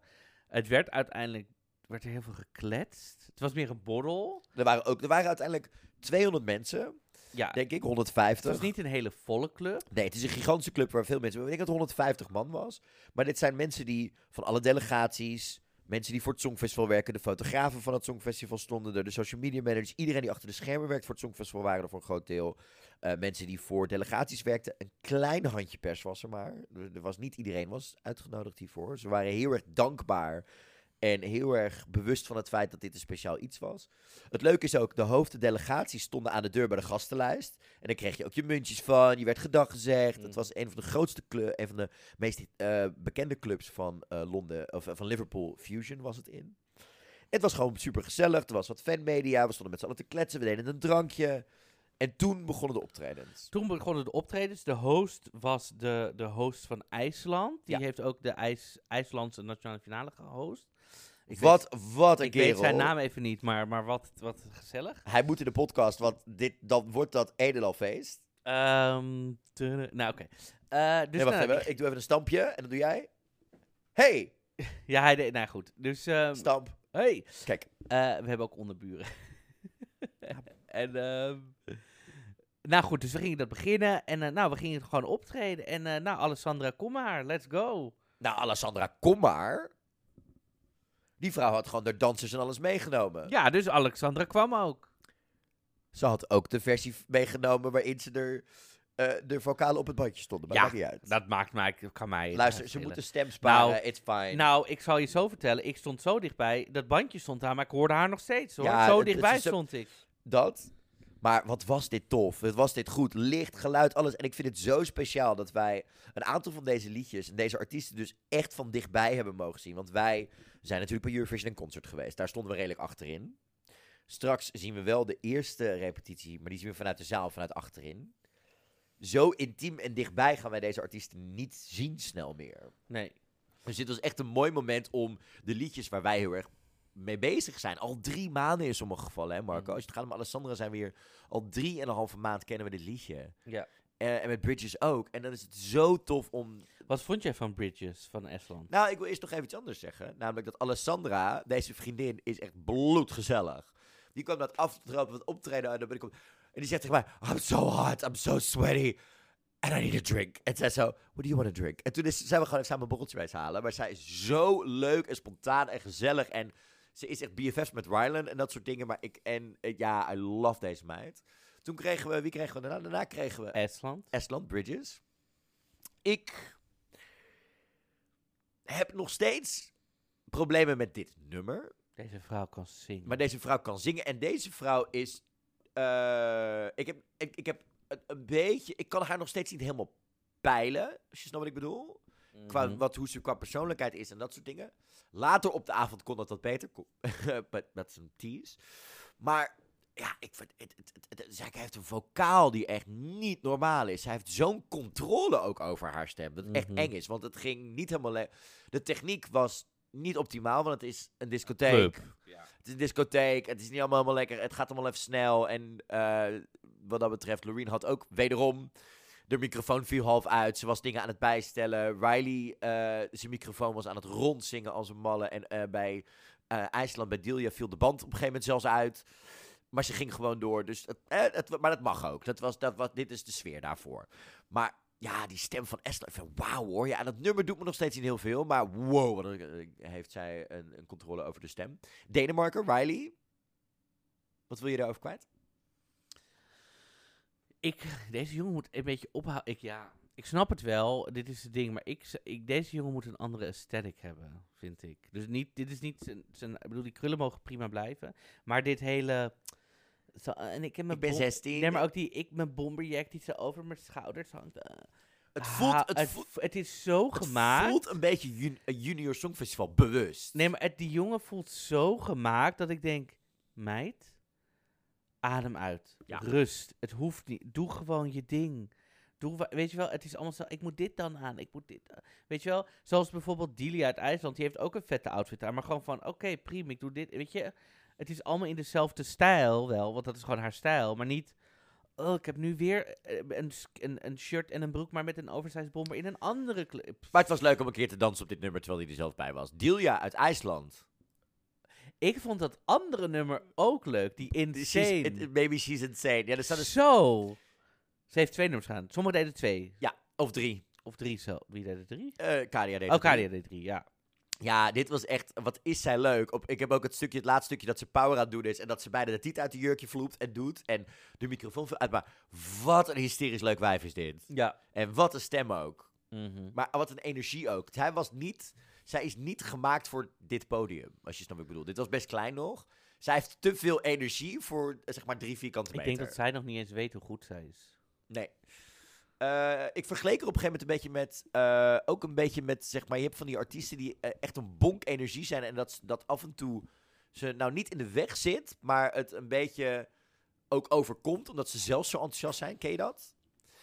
Dat je artiesten hebt die zo enthousiast worden dat, ze, dat het een beetje het overneemt op het podium, qua enthousiasme. Eh, En ik vergeleek er daar een beetje met Davina Michel. Die heeft dat af en toe ook. Die gaat zo op in dat ze dingen, dat ze geniet van het optreden, dat ze dan niet meer nadenkt over hoe het er qua beweging of qua vocale uitziet, maar dat het zo nog steeds heel tof is. oh ja, ik ga natuurlijk naar heel veel indie concerten en zo. Dus het is allemaal hele chille vibes. Dus ik zie niet Nee. echt iemand helemaal meestal Dat was wild ding. gaan. Toen, Toen, even kijken hoor. Nou moet ik even goed nadenken. Want nu begint het misschien een beetje blurry. te- Nee, dat is overdreven. Na IJsland was Loreen? was Loreen. Was Loreen. Wauw. Wauw, wauw, wauw, wauw, wauw, wauw, wauw, wauw. Deze vrouw had er zin in. Deze vrouw was melig. Het was na de bedtijd. Deze vrouw, eh, dat, dat- dat zie je misschien wel op de video. Ze heeft echt zoiets. Oké, ik, het- ook echt de tweede. Ze deed ook Euphoria. Alright, shall I just do this goddamn song? Shall we sing together? Waar kwam ook haar Britse accent opeens Ja, aan? ze was gewoon lekker aan het kutten en aan het doen. Let's sing together. Ik zei, Loreen, wat... la- la- la- Euphoria, yeah. En- maar wauw, Tattoo Live. Tattoo Live is echt een, een vibe. Heb je een live een tattoo laten zetten? Waar? Marco, even focus. De, de, wat een vibe, toch? Eh, fantastisch. Wauw. En toen Euphoria met dat licht en... en eh, eh, weet je wie ernaast me stond? Die stond, ik stond naast je. Wie stond er aan de andere kant naast me? Ik weet niet.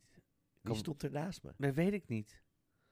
Hij had een zwart glitter Adidas jasje aan en hele witte tanden. Oh. ja, ik zag op een gegeven moment... Ik had zoveel gedronken, ik zag dubbel. Ik heb Rylan ontmoet. Rylan stond naast mij. We stonden samen arm in arm mee te zingen met Loreen.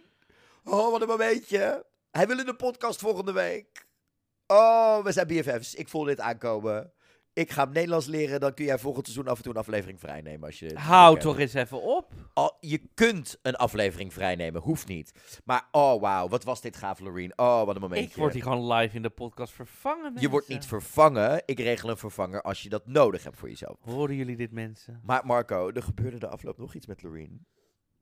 Wat gebeurde er nog meer met Loreen? Nou, ik liep op een gegeven moment, hè, het was daarna een borrel, gezellig. Er er werd songfestivalmuziek gedraaid, stond lekker te kletsen. En ik loop op een gegeven moment naar de bar toe. En zij loopt net vanuit, eh, door de zaal heen naar buiten toe. En ze ziet me.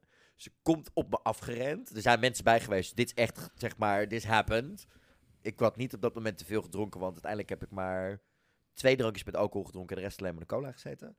Ehm, maar ze komt naar me toe en ze geeft me een knuffel. Ze zei, ik zag je net en je hebt zo'n toffe energie en je bent zo speciaal.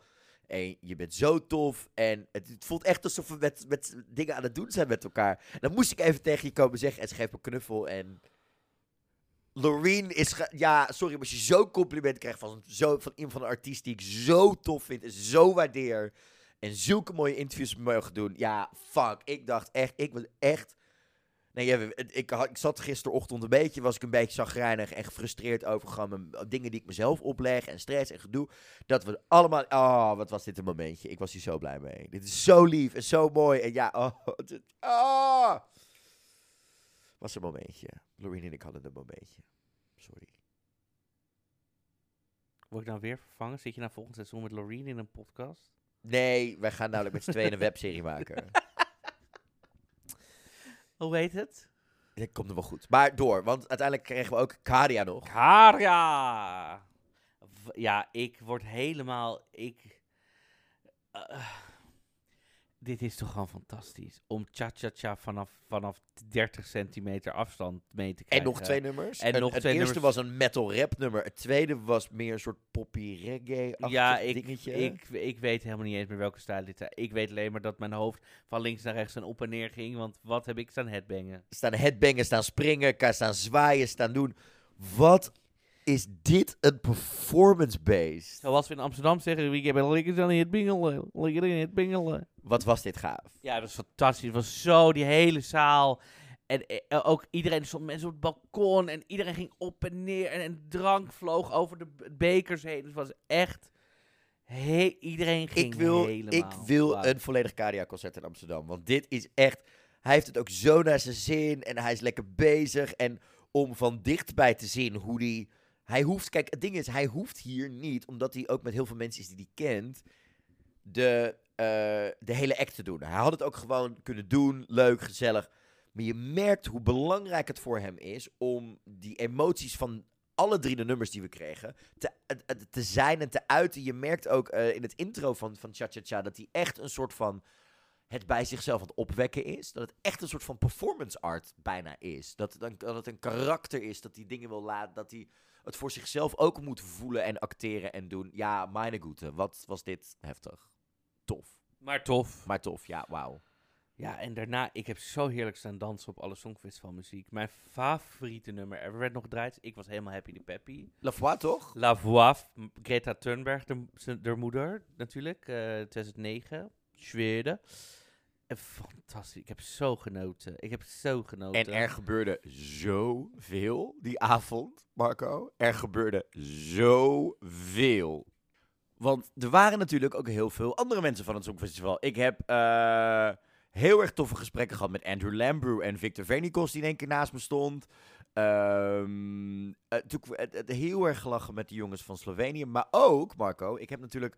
Dit is misschien wel even interessant om te vertellen. Ik heb natuurlijk twee dagen geleden een scoop naar buiten gebracht. Die kwam net nadat wij deze podcast opnamen over dat er een wijziging gaat plaatsvinden in hoe ze de tien finalisten bekendmaken van het Songfestival.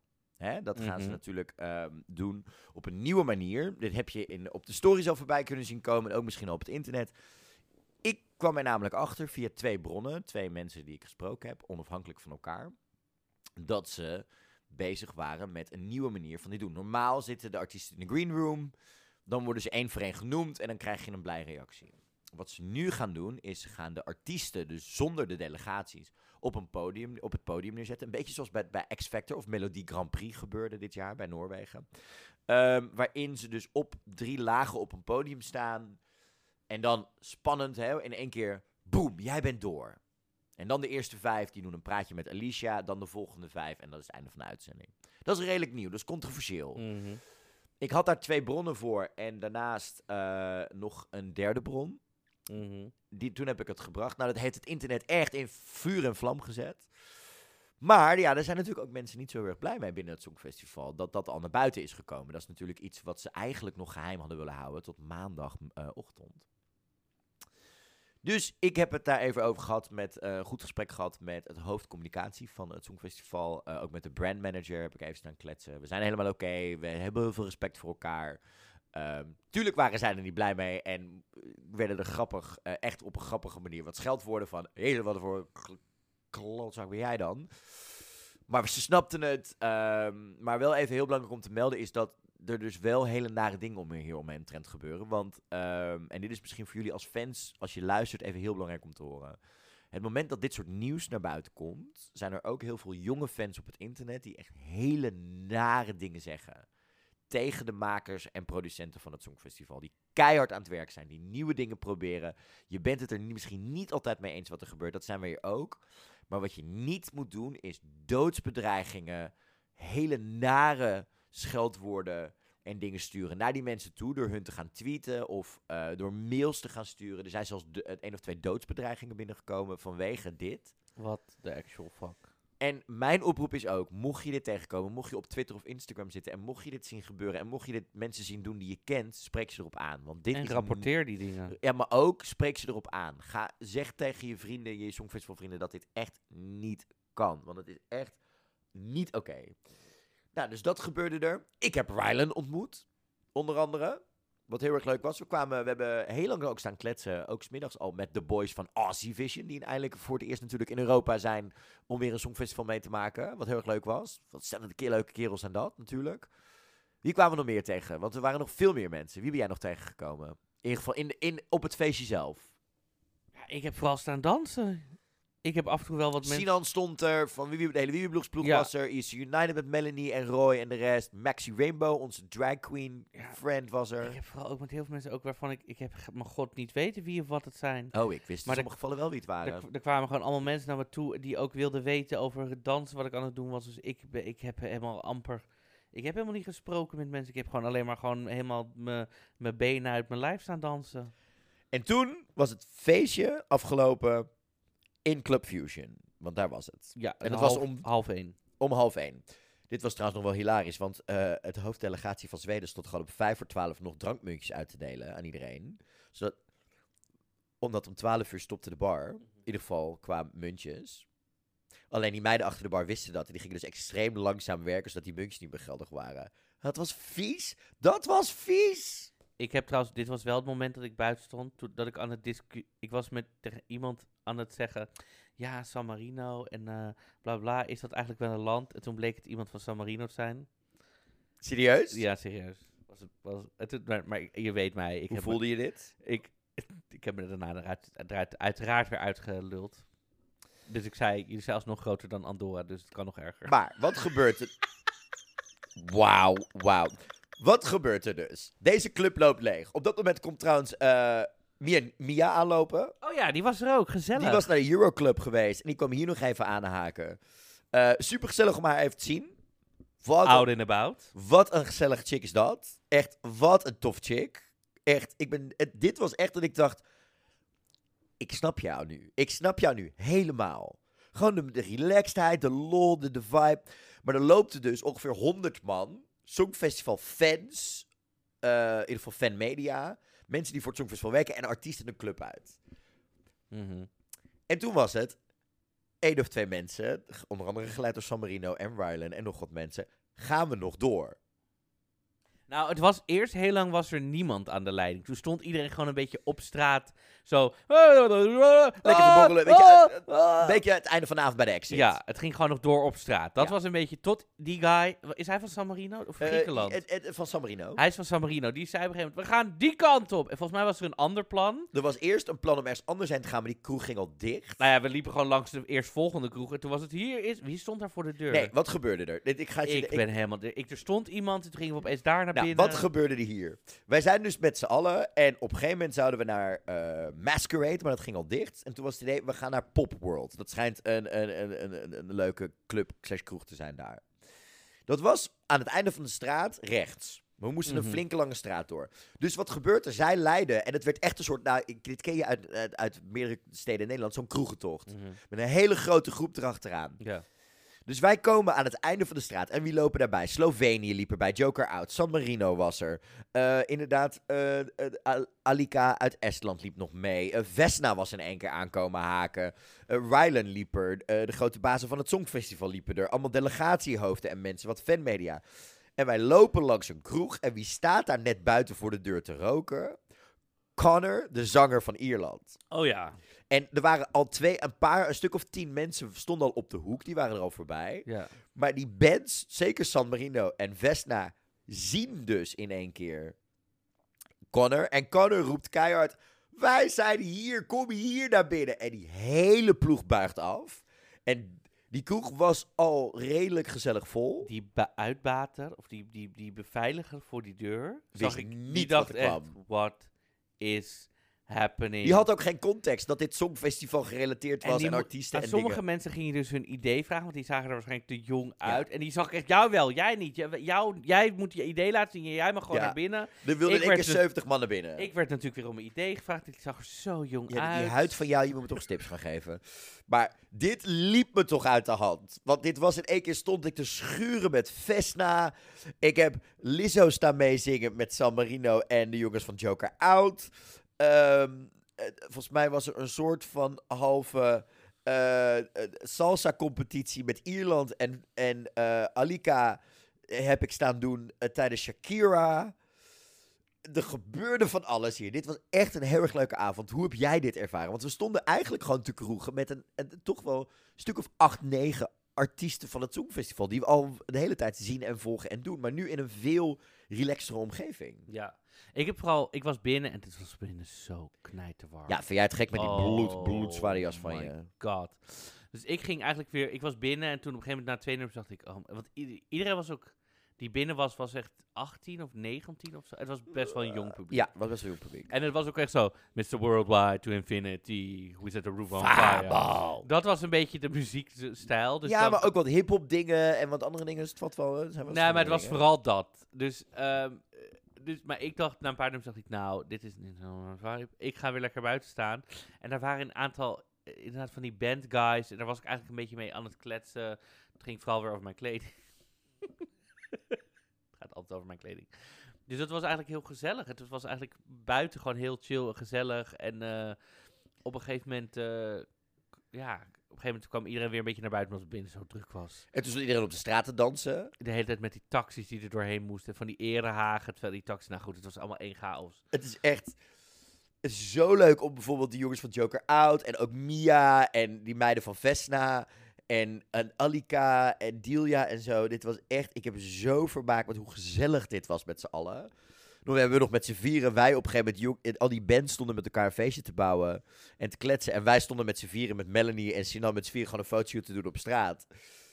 En dat was ook hysterisch en dat soort dingen. Het is echt, het voelde zo tof om dit mee te maken. Dit was echt een ervaring die ik nooit meer ga vergeten. Gewoon omdat het zo gezellig was en zin in hebben. En, er werd, en, en die jongens van Ierland ook. Nou, daar heb ik ook nog heel lang mee staan kletsen. Dat was ook bloedgezellig. Ja, ik vond dit een hele speciale avond. Jij ook toch, Marco? Ik vond het heel, eh, heel leuk. Ja. Daarna nog eh, bij de McDonald's was het hysterisch. Want kwamen we eh, Ierland en nog wat mensen tegen. En heel veel dronken Britten. Ik wil dit niet meer meemaken. Nou, dit gaat nog wel een paar keer gebeuren deze week, kan ik je vertellen. Oh, maar het was- Ik vergeet de hele tijd dat in, in, in Engeland dat het normaal is om uit te gaan in je ondergoed. Ja, het is een ding. Marco, wij moeten door, want we hebben niet zo heel veel tijd meer. We moeten nog twintig repetities bespreken, dus laten we dat maar gaan doen. Tudududu. Denemarken, Riley met Breaking My eh, Heart. Ja, eh, zijn outfit is er. Een, een, een completely eh, met Swarovski besteend eh, roze denim pak, zo te zien. Ja. Wat heeft een beetje de denim gevoel. Ik weet niet of het denim qua stof is, maar het is een beetje zo'n cool, stoer pak. Heeft hij aan met witte sneakers eronder. Mhm. Eh, we zien vooral veel beelden van, eh, inderdaad, we zien dus nu dat dat decorstuk wat hij mee heeft, dat, dat zagen we eerst als roze, hè? In de eerste beelden op TikTok zagen we dat.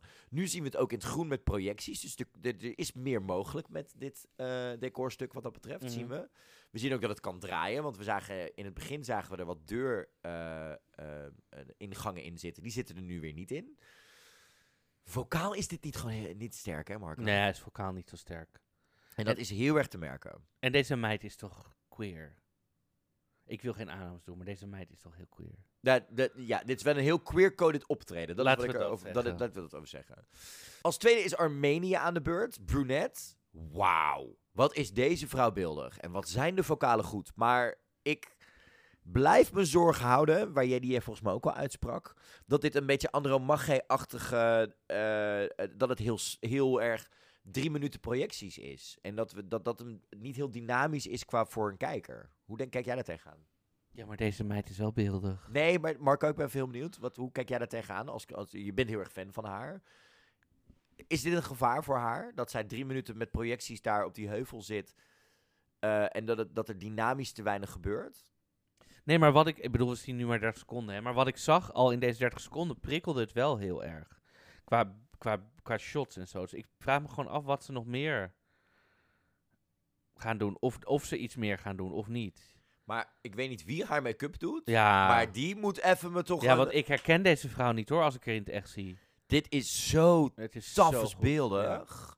En wat vind je van die outfit? Nu je nog er meer eh, di- dichterbij ziet met inderdaad overal die veters doorheen. Het aan elkaar gerijgde eh, look. Ja, prachtig. Ik vind het echt heerlijk. Ik geniet ervan. Ja, ik vind het echt maar heel mooi. Het is in ieder geval echt een heel mooi nummer. En ik vind het heel fijn wat ze brengt. En hoe of wat ze het gaat doen. Ik vind het, eh, ja, ik vind het gewoon heel tof. Ik ook. Theodor André met Digité on en off. Die heeft zijn gele outfit ingehaald voor een roze outfit. Ja, vind ik nog steeds niks. Ik, het is wel Ik heb heel veel liefde voor deze jongen. Hij staat zo fantastisch in het leven. Kan ik alleen maar van, kan ik alleen maar voor prijzen. Maar die jongen moet gewoon nog even groeien in zijn artisticiteit. Dat komt allemaal wel goed. Maar dit is het niet. Jij eh, zei nog, eh, jij was zo heel verbaasd over het feit, Marco, dat je eh, had gehoord in ons interview dat hij een aantal verrassingen mee zou nemen op het podium en we daar niks van terug zagen. Ja, dit was helemaal. We gaan verrassingen meenemen. We gaan dit, dat. We gaan jullie allemaal alles laten zien. Ik weet niet waarom. je- Nou goed. Eh, en er is niks. Nul. Niente. Nada. Geen dansers, geen decor. Helemaal geen vuurwerk. Geen... Het is hij in een roze pak. En, en- en een projectie van hemzelf, geloof ik, of zo. Ja, op een gegeven moment krijgen we die even te zien en wat licht inderdaad, maar dat een is het. vuur. Maar gewoon geen. Dat ik dacht, wat zeg je dan allemaal? Of is alles. ge- Nou ja. Ik, eh, ik kan er niet zoveel mee. Nee. Echt niet. Bridges. Estland, Bridges van Alika. Ehm, de outfit is een two-piece. Ja, waar, waar- ik vind hem heel mooi. Eh, ze had gisteren eh, tijdens de Nordic Party een, in een andere kleur aan, denk ik. Zo te zien bijna één op één van dezelfde stijl, dan wel merk dan op die manier. Zij heeft gewoon van dezelfde designer een hele collectie meegenomen. En dan het, ze heeft haar outfit voor het podium, maar voor alle andere persmomenten heeft ze iets wat in dezelfde de stijl is. Wat heel slim is, heel tof werkt. Ehm, ik vind de kleur ervan ook heel mooi. Het enige waar ik bij haar überhaupt qua look, als ik en dan is nog los van het optreden even naar kijk, is dat dat zwarte haar is heel cool. Maar gisteren zagen we haar met een iets natuurlijkere make-up.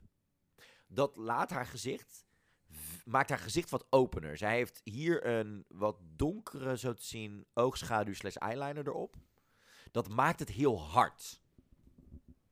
Qua de- hoe het overkomt, qua gezicht.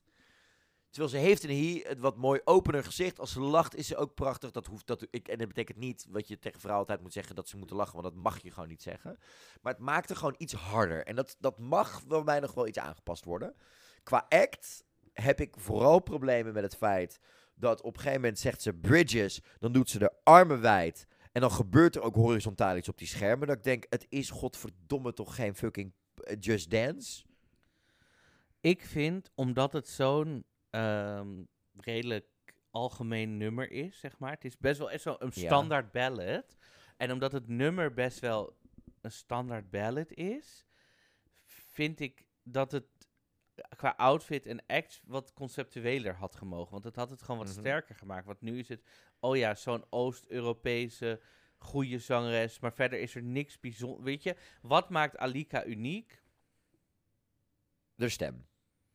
Is dat zo? Want er zijn heel veel goede zangeressen. Ja, maar ik denk dat haar stem... Maar ik denk dat dat Snap het je? Maar ze heeft niet een bepaalde sound die ik echt distinguished kan ont... Snap je? Dus dat had ze wel iets sterker kunnen doen in de act. Om er net iets meer te onderscheiden. Ben ik vind met je ik. eens. Dat is het. Gaan we door. Als volgende was er aan de beurt België Gustav, Because of You. We zien nu eindelijk hoe het op camera werkte. Wij bespraken het voor eerder deze week. En toen zaten we... Is, toen zei ik, is het misschien een beetje wat, eh, wat oud? Als in, hebben we dit, zagen we dit tien jaar geleden niet bij het Songfestival gebeuren? Hè? eh, drie zangeressen, of drie vocalisten eromheen, een danser. En eh, eh, hoe werkt dit qua cameradynamiek? Die cameradynamiek zit er niet 100% in merk ik, in deze gedeeltes die wij in ieder geval te zien krijgen. Het, het, het, het wordt, nog, het wordt wat mij betreft iets te rustig in beeld gebracht. Er mogen wat mij betreft eh, iets meer snellere shots. Boom, bang, boom, bang. Volg die beat maar. Volg die, volg die energie die erin zit. Het haalt een beetje de energie eruit. Pussy als ballroomdanser, it works. It works. Ik vind het heel tof om iemand authentiek dit te zien doen. In plaats van te gechoreografeerd. Of inderdaad, waar we het met Gustav over hadden in de podcast special gisteren. Een getrainde danser wat vogue, eh, voging moves aanleren. Dit voelt natuurlijk, dit voelt dynamisch. En ik ben heel benieuwd, Marco. Jij had wat kritiek op de outfit. Toen zei Gustav, er mist nog een element.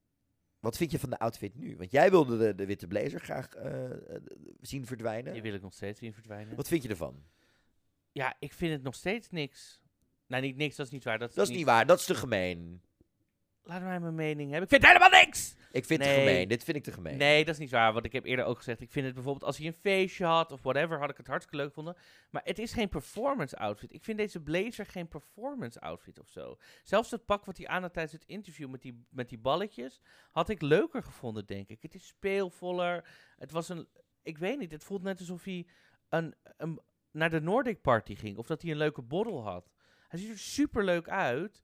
Maar een, een blazer voelt zo beklemmend of zo. Hij kan helemaal niet lekker dansen erin. Hiervoor had hij van die leuke broekpakken met dit. En, en nu denk ik, hè? Dit, dit snap... Oh, ik snap je helemaal. Ik had, ik had eerst iets... hmm, maar toen je het vorige keer... We hebben het hier namelijk natuurlijk af en toe wel vaker over. Inderdaad, dat het, een, het beklemt hem. Ja, En ik vind ook... want je, kan, je weet als je met een blazer aan hebt en je doet je handen in de lucht, dan ga je... Dat Ja. voelt zo... eh, Dat kan allemaal niet, zeg maar. En het voelt voor mij ook... En dit moet jij... eh kijk, jij bent onze fashion expert van de twee. Het voelt ook alsof het door het wit... Het roze minder knalt. Snap de- je wat ik ja, bedoel? het maakt allemaal zo... vle- En dan zo'n wit met zo'n gelige knoop. Waarom niet een witte knoop? Eh, Walter, let's talk. Ja, ik, ik, ik vind die broek trouwens het concept en hoe het in elkaar zit heel tof. Maar ik, ik vraag me ook heel erg af wat het overhemd is. Want misschien had het helemaal roze hartstikke lekker geweest. Nou, ik, ik, ik, Maar wat vind je van het optreden? Even heel snel. ja, het nummer blijft lekker. En verder, ik vind het minder sterk als dat het was. Het was eerst echt met zijn dansers naast hem. En ze met vocalisten. zijn vocalisten. En, en ze waren echt het publiek aan het ophypen. En het voelt te... Ja, misschien is het omdat hij te, te, te geroutineerd al is. Dat je hem gewoon lekker zijn ding moet laten doen. En nu moet het allemaal gechoreografeerd. Je staat hier, je kijkt daar. Ja. Misschien voelt het daardoor minder vers of zo. Maar ja, ja, dit is het. Als volgende is er aan de beurt Cyprus. Andrew Lambrew, Break a Broken Heart. Eh, hij begint eh, toch echt wel een van de lievelingen te worden in ieder geval qua eh, eh, Songfestival delegaties. Een hele relaxte, leuke, toffe kerel is het. Hij heeft een zwart pak aangetrokken waar hij gisteren, we stonden gisteren nog even te kletsen. Je hebt het interview met mij en hem gehoord, maar ik kwam gisteren tegen. Hij voelt zich hier een beetje als een Jedi in. Hij staat er ook op blote voeten. Dat is, hè, eh, hij zal vast naar Michelle gekeken hebben. Eh, on my own. Marco's favoriet Songfestival inzending van Nederland ooit. En eh, gedaan hebben. Ja, dit is wel clichématig watervallen, vuur, National Geographic, dramatisch. Ja, alleen water, toch? Heeft hij ook vuur? Nee, vuur zagen Oh, we vuur. in de ehm, eh, TikTok voorbij komen. Oh, in de TikTok. Ja, het is een knappe man in een zwarte outfit voor een waterval over zijn broken hart. Nou, het is Polen van vorig jaar. dat is het punt. Hartstikke maar lieve jongen. ik wilde wel nog even met jou hebben Ja. over de falsetto-noten. Ja, die zitten er wel op. Die zitten er zeker op. We horen ze wel ook een tweede stem op, op het op band staan van de backing vocals. Dus hij krijgt hulp. Daar heb ik, zoals wel vaker dit jaar, echt wel problemen mee. Dat ik denk, ja, hij zingt de falsetto noot, maar er zit iets, zijn eigen stem zit op de backing die het veel sterker maakt. Vind ik echt, dit vind ik echt, ik vind het een aardige kerel. Maar dit is voor mij betreft over het randje heen van waar de backing vocal regel over moet gaan. Eh, Hoe sta jij erin? Ja, ik vind gewoon dat er helemaal geen backing vocals moet zijn nog steeds. Ja, Nou, daar zijn we het over eens, denk ik. Maar bij hem is het heel duidelijk, toch? Dat er een tweede stem achter zit die hem er een beetje mee helpt. En ik denk, ja, is niet meer eerlijk. Snoes. ja. Gaan we naar Delia. Power. ja die geeft power. Flick, flax, alles. Ja, ze, ja en eh, zo'n wet hair look, helemaal eh, iridescent outfit. Dus helemaal een soort van zilver met, en wat, waardoor het paarse en blauwe licht het heel mooi vangt. Ja, ik vind het heel vet. En zij kan deze act echt in er eentje dragen. En dat vind ik echt heel vet aan haar. Ik vind dat zij de act kan dragen, maar ik vind de visuals te generiek. Ik heb het idee alsof de act, alsof, alsof zij heel erg haar ding doet, maar er niet nagedacht is over wat dat visueel of qua licht kan ondersteunen.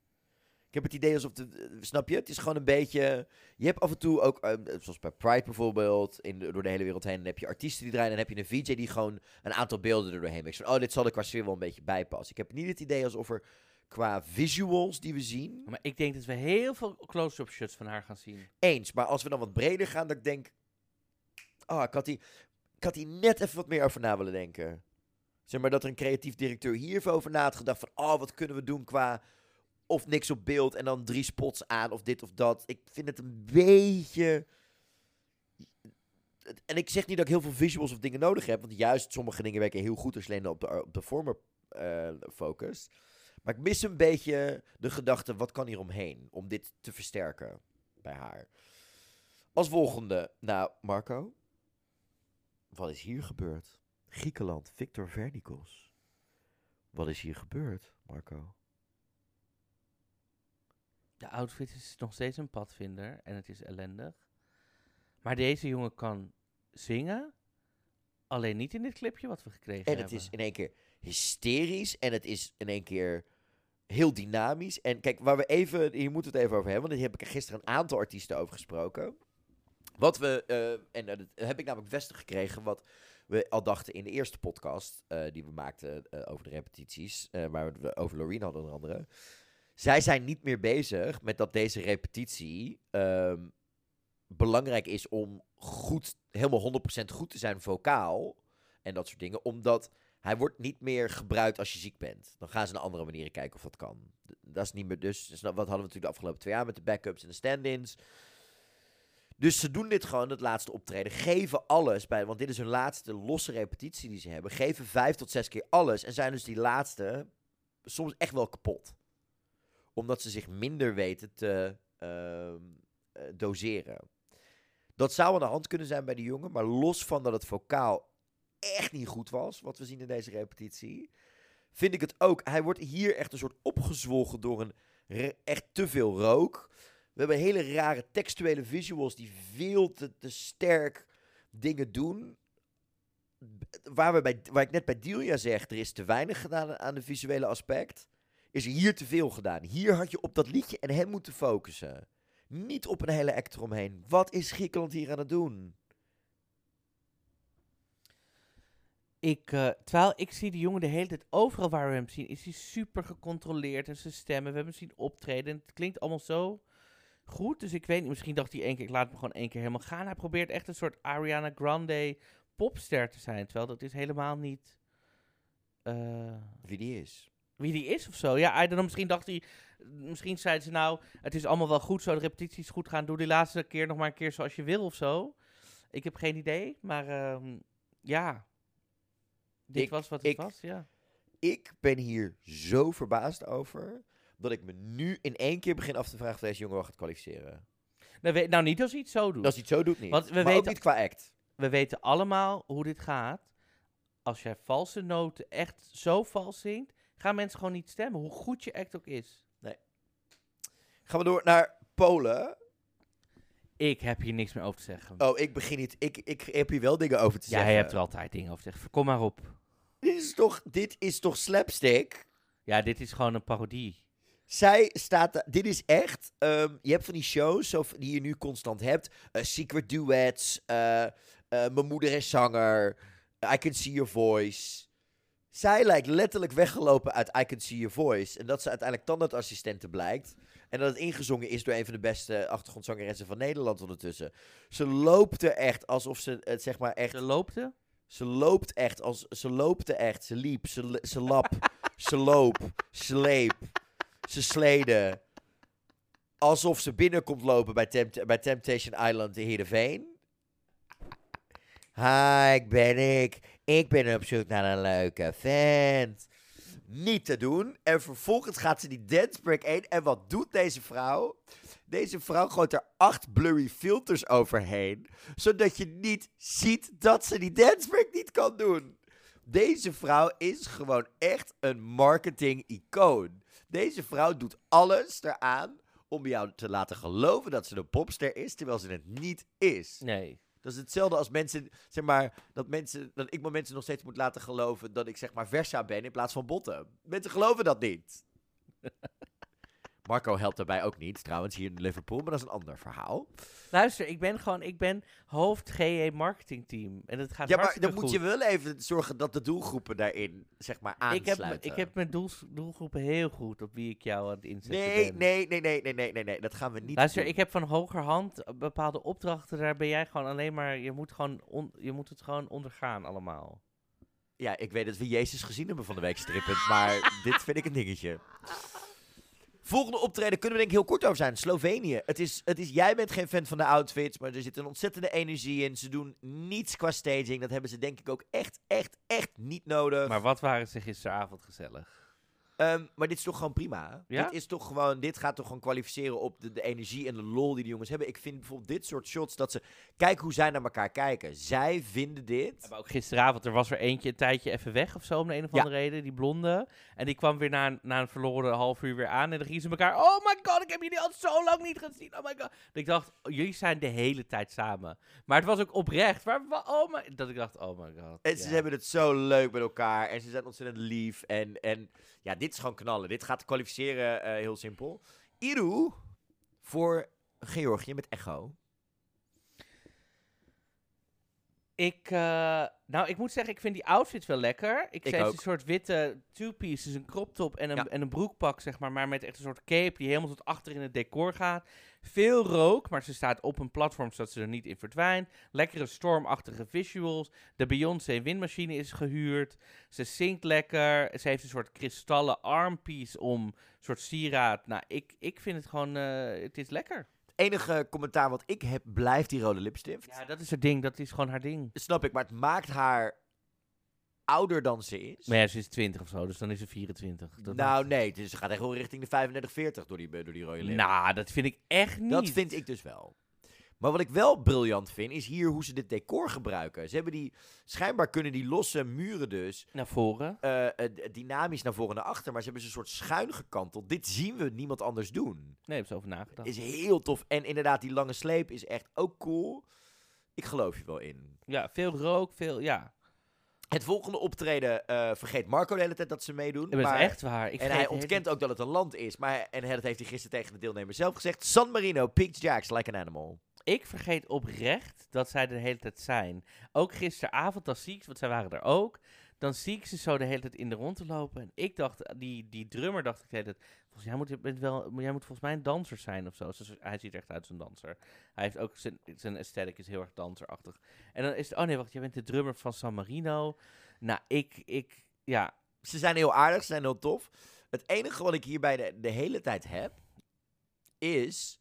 Zij staan gigantisch ver uit elkaar. ja, maar, ja. is, is, zij, we- en ze hebben ook heel veel gedaan qua visuals. Dit is denk ik juist omdat je tegenover een Slovenië ziet. We krijgen zo nog Australië. We hebben op dinsdag ook al een aantal bands gehad die echt intens met elkaar bezig zijn. Dit is niet de goede staging hiervoor. Je moet als band laten zien hoe, eh, hoe, van, hoe gezellig... Hoe nee, je moet niks natuurlijk, maar hoe, hoe leuk je het samen hebt. En als je je zanger vier kilometer voor de rest van de band zet... Ik weet niet wat voor boodschap je dan overbrengt. Ben ik met je eens. Eh, eh, Oostenrijk. Thea en Selena. Who the hell is Edgar? Ja, wie is Edgar? Wordt dat uitgelegd? Nou, de staging is, de, blijft ijzersterk. Zwart, wit, rood, zout en peper. Het is gewoon heel goed over nagedacht. Van, we kunnen als joke entry gezien worden. Dus wat doen we? We halen al het humoristische eruit. En ze knallen het helemaal ehm, gewoon eruit. Het ziet er super strak uit. Super modern. Heel hyper, hyper modern eigenlijk. Het Ik- is echt heel strak. Ja. Het is echt ontzettend strak. Ja. Ehm, waar ik ook heel blij van word, is dat het vocaal zo helder is. Zo helder. Niet, niet alleen zuiver, maar helder. Elk woord, elke noot, alles komt over. Alles werkt goed. Ik vraag me een klein beetje af of zij eh, misschien een beetje last hebben van dat ik in sommige shots, doordat ze zo'n sterke visuals mee hebben, ik vind ze in de wat, wat, wat, wat wijdere shots, dus dat zijn de shots van ver af, een beetje verdwijnen omdat ze in dezelfde kleuren staan als de, de, de, back, de, de, de, de, de, de, de video's op de achtergrond. Als we dus wat uitzoomen, denk ik af en toe, waar staan zij nou? Ik weet niet of dat bewust nou, moet je even een bril gaan zoeken. Nee, dit is echt wel. Sommige wijde shots denk je omdat ze dezelfde kleuren aan hebben en dat soort dingen. Mis ik ze een beetje. Dat komt omdat de visuals wat te druk zijn. Dat is een keu- artistieke keuze. Dat vind ik jammer. Maar voor de rest, dit is wel ijzersterk. Gaan we door naar Albina en de Familia Kelmendi voor Albanië met douche, hè? Het is dat ik ze moet volgen, maar ik, ik denk ook de hele tijd, oké, misschien komt er een soort invalshoek, dan kan ik weer wat meer vertellen over Albanië of hoe het gaat dit jaar. Maar we zien ze bij geen persconferentie nergens. Nee. We hebben ze volgens mij ook nog niet gezien bij de Wiwi Lounge. Nee. Dus ehm, ik, ik vergeet eigenlijk ook een beetje dat ze er zijn. Ik ook. En ook de act is niet heel... Het is wat strakker. We zien wat pyro. We zien vooral heel veel standaard generieke eh, eh, Zwarte outfits, kosmische zingen. beelden en dat soort dingen. Ik heb niet echt het idee dat Albanië dit jaar meedoet om te winnen. Of Ik om enige input te... Zo van, oh ja. Ik heb ook niet eens of er een visie achter zit. Nee. Die zit, in de, die zit misschien in de kostuums en dat is het. Ja, nee, Tot ja. zover. Dat is het. ook Want niet we echt. weten, we weten dat ze fashion game slayen meestal. Maar dat is het. Nee, ja, ik... eh, het is niet... Ben je een beetje teleurgesteld? Nou, nee, ik bedoel... Ze- bedoel jij, was, jij vond het eh, eh, tof. ja, maar wat ik ze bedoel... deden bij, bij... Ze waren een van de eerste acts. Ben je teleurgesteld? Dan Nou, nu, wat omdat je weet wat Albanië kan? Nou, wat Albanië nog steeds doet, is Albanese cultuur brengen. En dat doen ze gewoon. En dat vind ik altijd nog steeds heel tof. Ehm, alleen, de act waar ze nu voor hebben gekozen, is gewoon niet een Songfestival act. Nee. Eh, en dat, dat is gewoon wat het is. Ja. Litouwen stuurt Monica Linkite met Stee. Die is van broekpak gewisseld naar de, eh, Ja. een jurkje in dezelfde kleur. Eh, ga ik een beetje hetzelfde over zeggen. Ik ging natuurlijk Litouwen... ging ik Litouwen volgen? Ik weet het, ja. Litouwen zou ik Ja. volgen. Ze was er gisteren trouwens ook. Gisteren had ze een briljant... Wat, houndstooth, wat is dat in het, Engel- in het Nederlands? Dat houndstooth? Pieter Poel.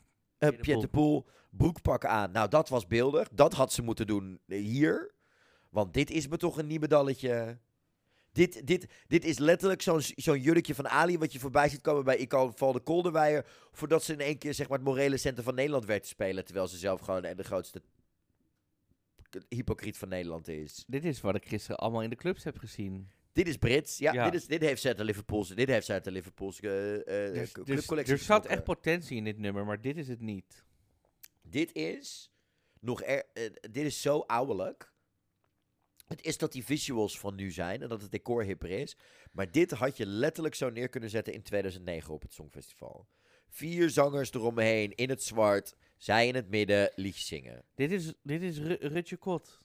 Ja. Of Edcilia, nog een keer, letterlijk. Zelfde, nou, zelfde kleur, Ja. zelfde... Ja, Dit is letterlijk 20 jaar, Ja. 30 jaar geleden. als dit doorgaat is het puur op basis van eh, het, het, het, het catchy meezingen in het refrein. Meer is het niet, toch?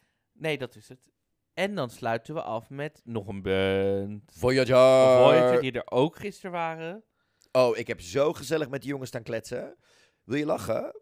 Een van die heren van Voyager heeft zichzelf de komende week bij ons uitgenodigd. Hier in het appartement. Die arme kerel heeft al anderhalve maand geen enkele maaltijd zelf gekookt. Dus die wil waarschijnlijk even langskomen op eh, waarschijnlijk maandag. Om eh, hier even eh, voor ons te koken. Maak geen grapje, we zijn letterlijk aan het DM hierover. Die arme kerels zijn al een maand alle pre-parties doen. Die heeft al een maand niet gekookt. En die heeft zoiets, ik mis het zo, want koken is mijn passie. Dus Ik heb dat zelf door. Ik, kan, ik kook normaal altijd thuis. En nu ik bij mijn ouders woon, ik kook gewoon niet. Omdat mijn, of mijn moeder is altijd, of ik Dus- ben ergens buiten de deur. Ik kan me daar heel goed Dus misschien krijgen we op maandag bezoek van Voyager hier. Gezellig toch? Als het mag van de delegatie. Wat vind je van deze, van deze, deze performance? Ja, heerlijk. Het zijn gewoon podiumbeesten. Ik vind dit moeilijk in te schatten. Om de reden dat we heel veel shots van ver af zien waar nog een publiek in moet. Want ik vind het nu af en toe wat kaal nog. Qua zeker, we gaan het, het rockgedeelte in, dat zilveren gedeelte. Ze hebben twee de- me- members die kaal zijn. Ik vind het toch weer raar dat je het nu zo kaal noemt. Het zijn er maar twee. En daar kunnen ze niks aan doen. Daar hebben we het in de persconferentie over gehad. Maar ik heb gisteren heel erg lang met deze, met deze helden staan bieren. eh, was super gezellig. Ja, dit gaat knallen. Dit gaat kwalificeren. Dit is een knallend eind van die tweede halve finale. Ik ben hier echt heel erg blij mee. Marco, we moeten nog zes landen bespreken. Dan zijn we er klaar mee voor vandaag. En dan gaan we een eh, briljante Songfestivaldag weer in. Want het barst hier echt los vandaag op deze zaterdag. Maar de Big Six mocht natuurlijk gaan De repeteren. Big Five en Ukraine. Ja, ik noem ze gewoon de Big Six vandaag. Laten we beginnen met Duitsland. Die nemen een gigantische piramide mee. Zeven meter hoog. De, de hoogste decorstuk van dit jaar, het grootste decorstuk van dit jaar krijgen we. Het is heftig. Het is wat strakker dan ik van ze verwacht had. Qua design, moet ik eerlijk zeggen. Ik had niet bedacht dat zij met zo'n groot decorstuk zouden komen. Ik ook niet. Eh, en er zit een reden achter, hè Marco? Die hoorden we gisteren namelijk. Ehm, Lord of the Lost is een band die heel erg bezig is met... Wij zijn met z'n vijven, wij zijn met eh, een, een, een geheel met z'n allen. Het is niet alleen de zanger. En hij zegt, waar wij vaak achter komen is als we dingen doen... is dat de drummer, er staat altijd iemand voor. Dan wel de bassist, dan de gitarist, dan wel de zanger. En wij wilden alle mensen die in onze band zitten goed uitlichten. Dus vandaar dat we de drummer en die anderen erin gezet hebben. Leuk om te weten, zij worden dus het podium opgerold. Zij klimmen daarvoor al naar binnen, worden het podium opgerold en dan wordt de rest van het decor uitgeklapt. Wat ook nog leuk detail wat ik hier hoorde. De drummer van Lord of the Lost heeft speciaal hiervoor een nieuw speciale soort drumkit, drumstel laten bouwen. Dat kwam daar hier aan in Liverpool. En die gasten die het podium opbouwden en de decorstukken doen, wisten niet hoe dit in elkaar moest, omdat het zo speciaal is. Toen is de drummer van ehm, Voyager gevraagd om te helpen. Die heeft op FaceTime met de drummer van Duitsland lopen, eh, lopen bellen, videobellen. En dan hebben ze dat zo met elkaar, met z'n allen in elkaar gezet deze week. Zo verbroederend werkt het Songfestival hier dit jaar. Zo relaxed zijn ze met elkaar om aan het gaan. Strakke act. Ik denk alleen dat qua nummer ze weg gaan vallen tegenover Australië, Slovenië, eh, waarschijnlijk Ierland. Eh, daar gaan ze tegen wegvallen. Maar ze hebben toch ook een hele grote fanbase al. Ja, dus en dat, dat kan gaat misschien echt... Ja, dat gaat ook weer voor ze helpen. Ik heb... ehm, verder was ik er daar nog helemaal niet echt op gelet. Maar hun gitarist is best wel knap. Oeh, I know. Pi heet hij. Queer ook volgens mij. Nou, volgens mij... Met zijn net hemdje en zijn nagellak en zijn Lady Gaga glitteroog make-up. Ja, want hij gaat binnenkort de make-up doen van een van de jongens van Ierland, hoorden we in de En persco. zijn Instagram, die ik al helemaal heb ge gelebberd. Ik eh, ging daar helemaal lekker op. Marco Mengoni, hier kunnen we heel klein hier kort over zijn. Het is een glittertop, een leren broek en hij staat gewoon een ballade te zingen. Doe meer, doe meer. Maar waarom had hij een beter pak aan in de nationale finale? Ik zag letterlijk laatst dit topje voorbij komen, letterlijk volgens mij op ASOS of zo. Maar is het misschien... We hebben dit gezien vorig jaar met Mammoet en Blanco, die bij elke repetitie een andere outfit aan hadden. Is dit testen en dat ze straks bij de tweede repetitie met een goede outfit komen? Nou, misschien. Mag het Would not be surprised dat hij hier een outfit aan het testen is die we überhaupt niet terug gaan zien op het Songfestival. May Muller? Oh, zo, het is echt vroeg. May Muller. Eh, die staat op een enorm podium met allemaal visuals, dansers. Het, op, op een groot podium, een grote verhoging die ook nog eens een keer een, een beeldscherm is, waardoor het lijkt alsof ze in het midden van het, vel, van het, van het scherm staat. Hè? Ja. Pop art, we zien pop art-achtige... eh, Pop art? ja, achtige beetje visuals en dingen gebeuren. We zien de, allemaal animaties en dingen Oh, op de ik- achtergronden. Die heb ik niet gezien, pop art. Nou goed. Eh, wat vind jij ervan? Ja, het ziet er heel tof uit. Ik ben heel benieuwd naar de, naar de echte beelden, beelden, beelden. Maar wat ik zie, ziet het er heel vet en heel, look? en heel strak uit. Ik kan ik niet echt goed zien. Het is een zwarte jurk, zien we. Een, een wat langere zwarte jurk. Ik ben vooral verbaasd over hoe strak dit is. Als in, ik had verwacht dat het veel meer ehm, toch een beetje de, nou niet de grappige kant, maar wat, wat, wat, wat hysterischere eh, beelden. Ik denk, het is wat strakker. Ze hebben het echt naar een, een MTV Grammy-achtige performance getrokken. In plaats van wat losser, wat we zagen tijdens de pre-parties. Echt een verbetering van hier tot Tokio. Dit gaat de UK, want we horen ook dat het vocaal ijzersterk is. Maar dit gaat de top 10 wel inknallen hoor. De UK gaat hier geen flater mee slaan. Ik denk dat zij best wel eens de, eh, de, de vloek van het hosten eruit kunnen trappen. Dan Ja, gaat- dat ze opeens eh, weer 35ste zijn of zo. Ja. Torchy is visueel met schermen en zwevende blokken en heel veel graphics en eh, een beetje hypermoderne sci-fi-achtige beelden. Ja, ik, vind... ik vind het ontzettend creatief, maar ga- gaat voor mij in het hoekje Luke Black. Ik, ik heb hier, ik heb, nou met Luke Black heb ik dan wel een connectie. Ik heb hier gewoon geen connectie mee. En Marco, jij had geen connectie met deze outfits, want jij ging op onze Insta Live, die je terug kunt kijken op, eh, op ons eh, Instagram, ging je echt heel erg los. Ja, jij noemde het helemaal revolutionair fantastisch. Ik dacht, dat vind nou ik nee, ik, overdreven. gewoon, ik vind het gewoon stoer en cool, dat is wat anders. Ja, maar het is gewoon zwart met wat AliExpress stenen er op je arm geplakt. Wat vind je van de act? Ja, ik weet niet. Ik wil ook nog even de volledige beelden zien. Maar ik vind het weer die zonnebrillen. Ja, ik vind dat gewoon niet. Dat is gewoon zo'n afknapper voor mij. En ehm, ja, ook. Ja, dan staat er iemand zo nep achter een toetsbordje zo een beetje zo te drukken. Ehm, ja, ik denk dat het best wel vet op, op tv over kan komen uiteindelijk in de actor. En ook wat je zei met die blokken en decor. Dat het echt wel goed ehm, over kan komen. En het gaat natuurlijk gewoon over Heart of Steel. En ze hebben van die sci-fi-achtige post-war-achtige beelden. Weet je wel, dus ik denk echt dat het een impact gaat hebben. Maar dit is gewoon post-apocalyptic couture in... it, fine. Ja, Blanca Paloma is hetzelfde gebleven. We zien kleine veranderingen in de outfit. Maar zo te zien is de, de, de rode draden, de rode slierten zijn meegekomen. De achtergronddanseressen slash zangeressen zijn meegekomen. Ze doet dezelfde bewegingen. Dit is gewoon hetzelfde gebleven. Dus hier tot nu toe wat wij kunnen zien weinig aan veranderd. Volgens mij niet. En het is ijzersterk, dus why change a, Mhm. a- a- a- a winning game? Ja. Maar Marco, Frankrijk. Dit was denk ik waar iedereen het gisteren over had. De act van Frankrijk. Ze stijgen naar de derde plek ondertussen bij de bookmakers hierdoor.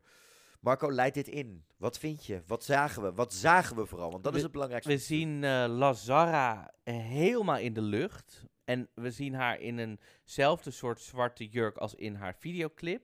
Alleen dan gaat die jurk. Nou, zo'n drie. Dus zij hangt. Nou, zij is in de lucht. En die jurk gaat helemaal door tot op de grond. Dus dat is een jurk van drie meter eh, lang of vier meter lang. Echt tot op de grond. En op een gegeven moment in de shots daarna zien we dat die jurk is gevallen. En dan zien we dat zij op een nou, drie meter hoog platform is enorm sterk lichtwerk. Zien we hele graphic licht eh, shots van zij, van achter in de spot, van eronder, eh, disco. En dan uiteindelijk zien we eh, nog allemaal vuurwerk. En zien we ook vuurwerk in de Franse vlagkleuren vanuit het plafond komen. Het ziet er echt heel spectaculair uit. De vision, de budget, de everything. Ik heb het er met haar... Frankrijk wil winnen. Eh, Frankrijk wil zeker winnen. En ze maken een kans hiermee. Dit wordt echt een spannende wedstrijd dit jaar. We hebben een, echt gewoon in één keer een derde grote kans hebben erin zitten. Ik heb het met haar uitgebreid eh, gehad over deze stage visuals en alles. Ik heb hier niks, maar dan ook niks, maar dan ook niks op aan te merken. Op één dingetje na. Mhm. Ik merk al om mij heen bij bepaalde mensen dat toch het chauvinistische van de Franse vlag op de achtergrond. Bepaalde mensen zoiets hebben. Oh, daar heb je die Fransen weer. En dat zou er misschien een paar puntjes kunnen kosten. En ik denk dat dit jaar het om een heel klein puntenverschil zal gaan bij die top drie. Dat het een close race gaat worden. En dat dat er misschien, eh, dat gaat er misschien wel punten kosten. Maar dat is alles. Trouwens, Marco, ondertussen, wij hebben het net over Italië, hè, dat er een andere outfit zou zijn. Mhm. Heb ik even nieuws voor je. Kom eens even heel snel kijken hier. Marco Mengoni maakt net bekend wat hij draagt qua top met Versace. Dus we, moeten dit, we kunnen dit gelijk zien. Oh, dit is veel beter. Wat is dit? Dit is gewoon een volledige gekristallificeerde Het zijn verschillende typen kristallen. kristallen steen. Dus er, zit onder iets voor het skin heel doorzichtig transparant, zodat het lijkt op huid. En dan verder alleen maar echt steen. Dus ze wilden gewoon een zilveren top om even dat het erop lijkt. Wauw. Ik wil net zeggen, want het is echt een prachtig mooie top die er hier... eh, Als hij niet op het beeld verschijnt volgende week zaterdag, dan is hij in de koffer bij Marco Dreyer. Oh my god, ja hoor. Oh, Ik bel Donatella even of ze er twee maakt. Donatella. Ja.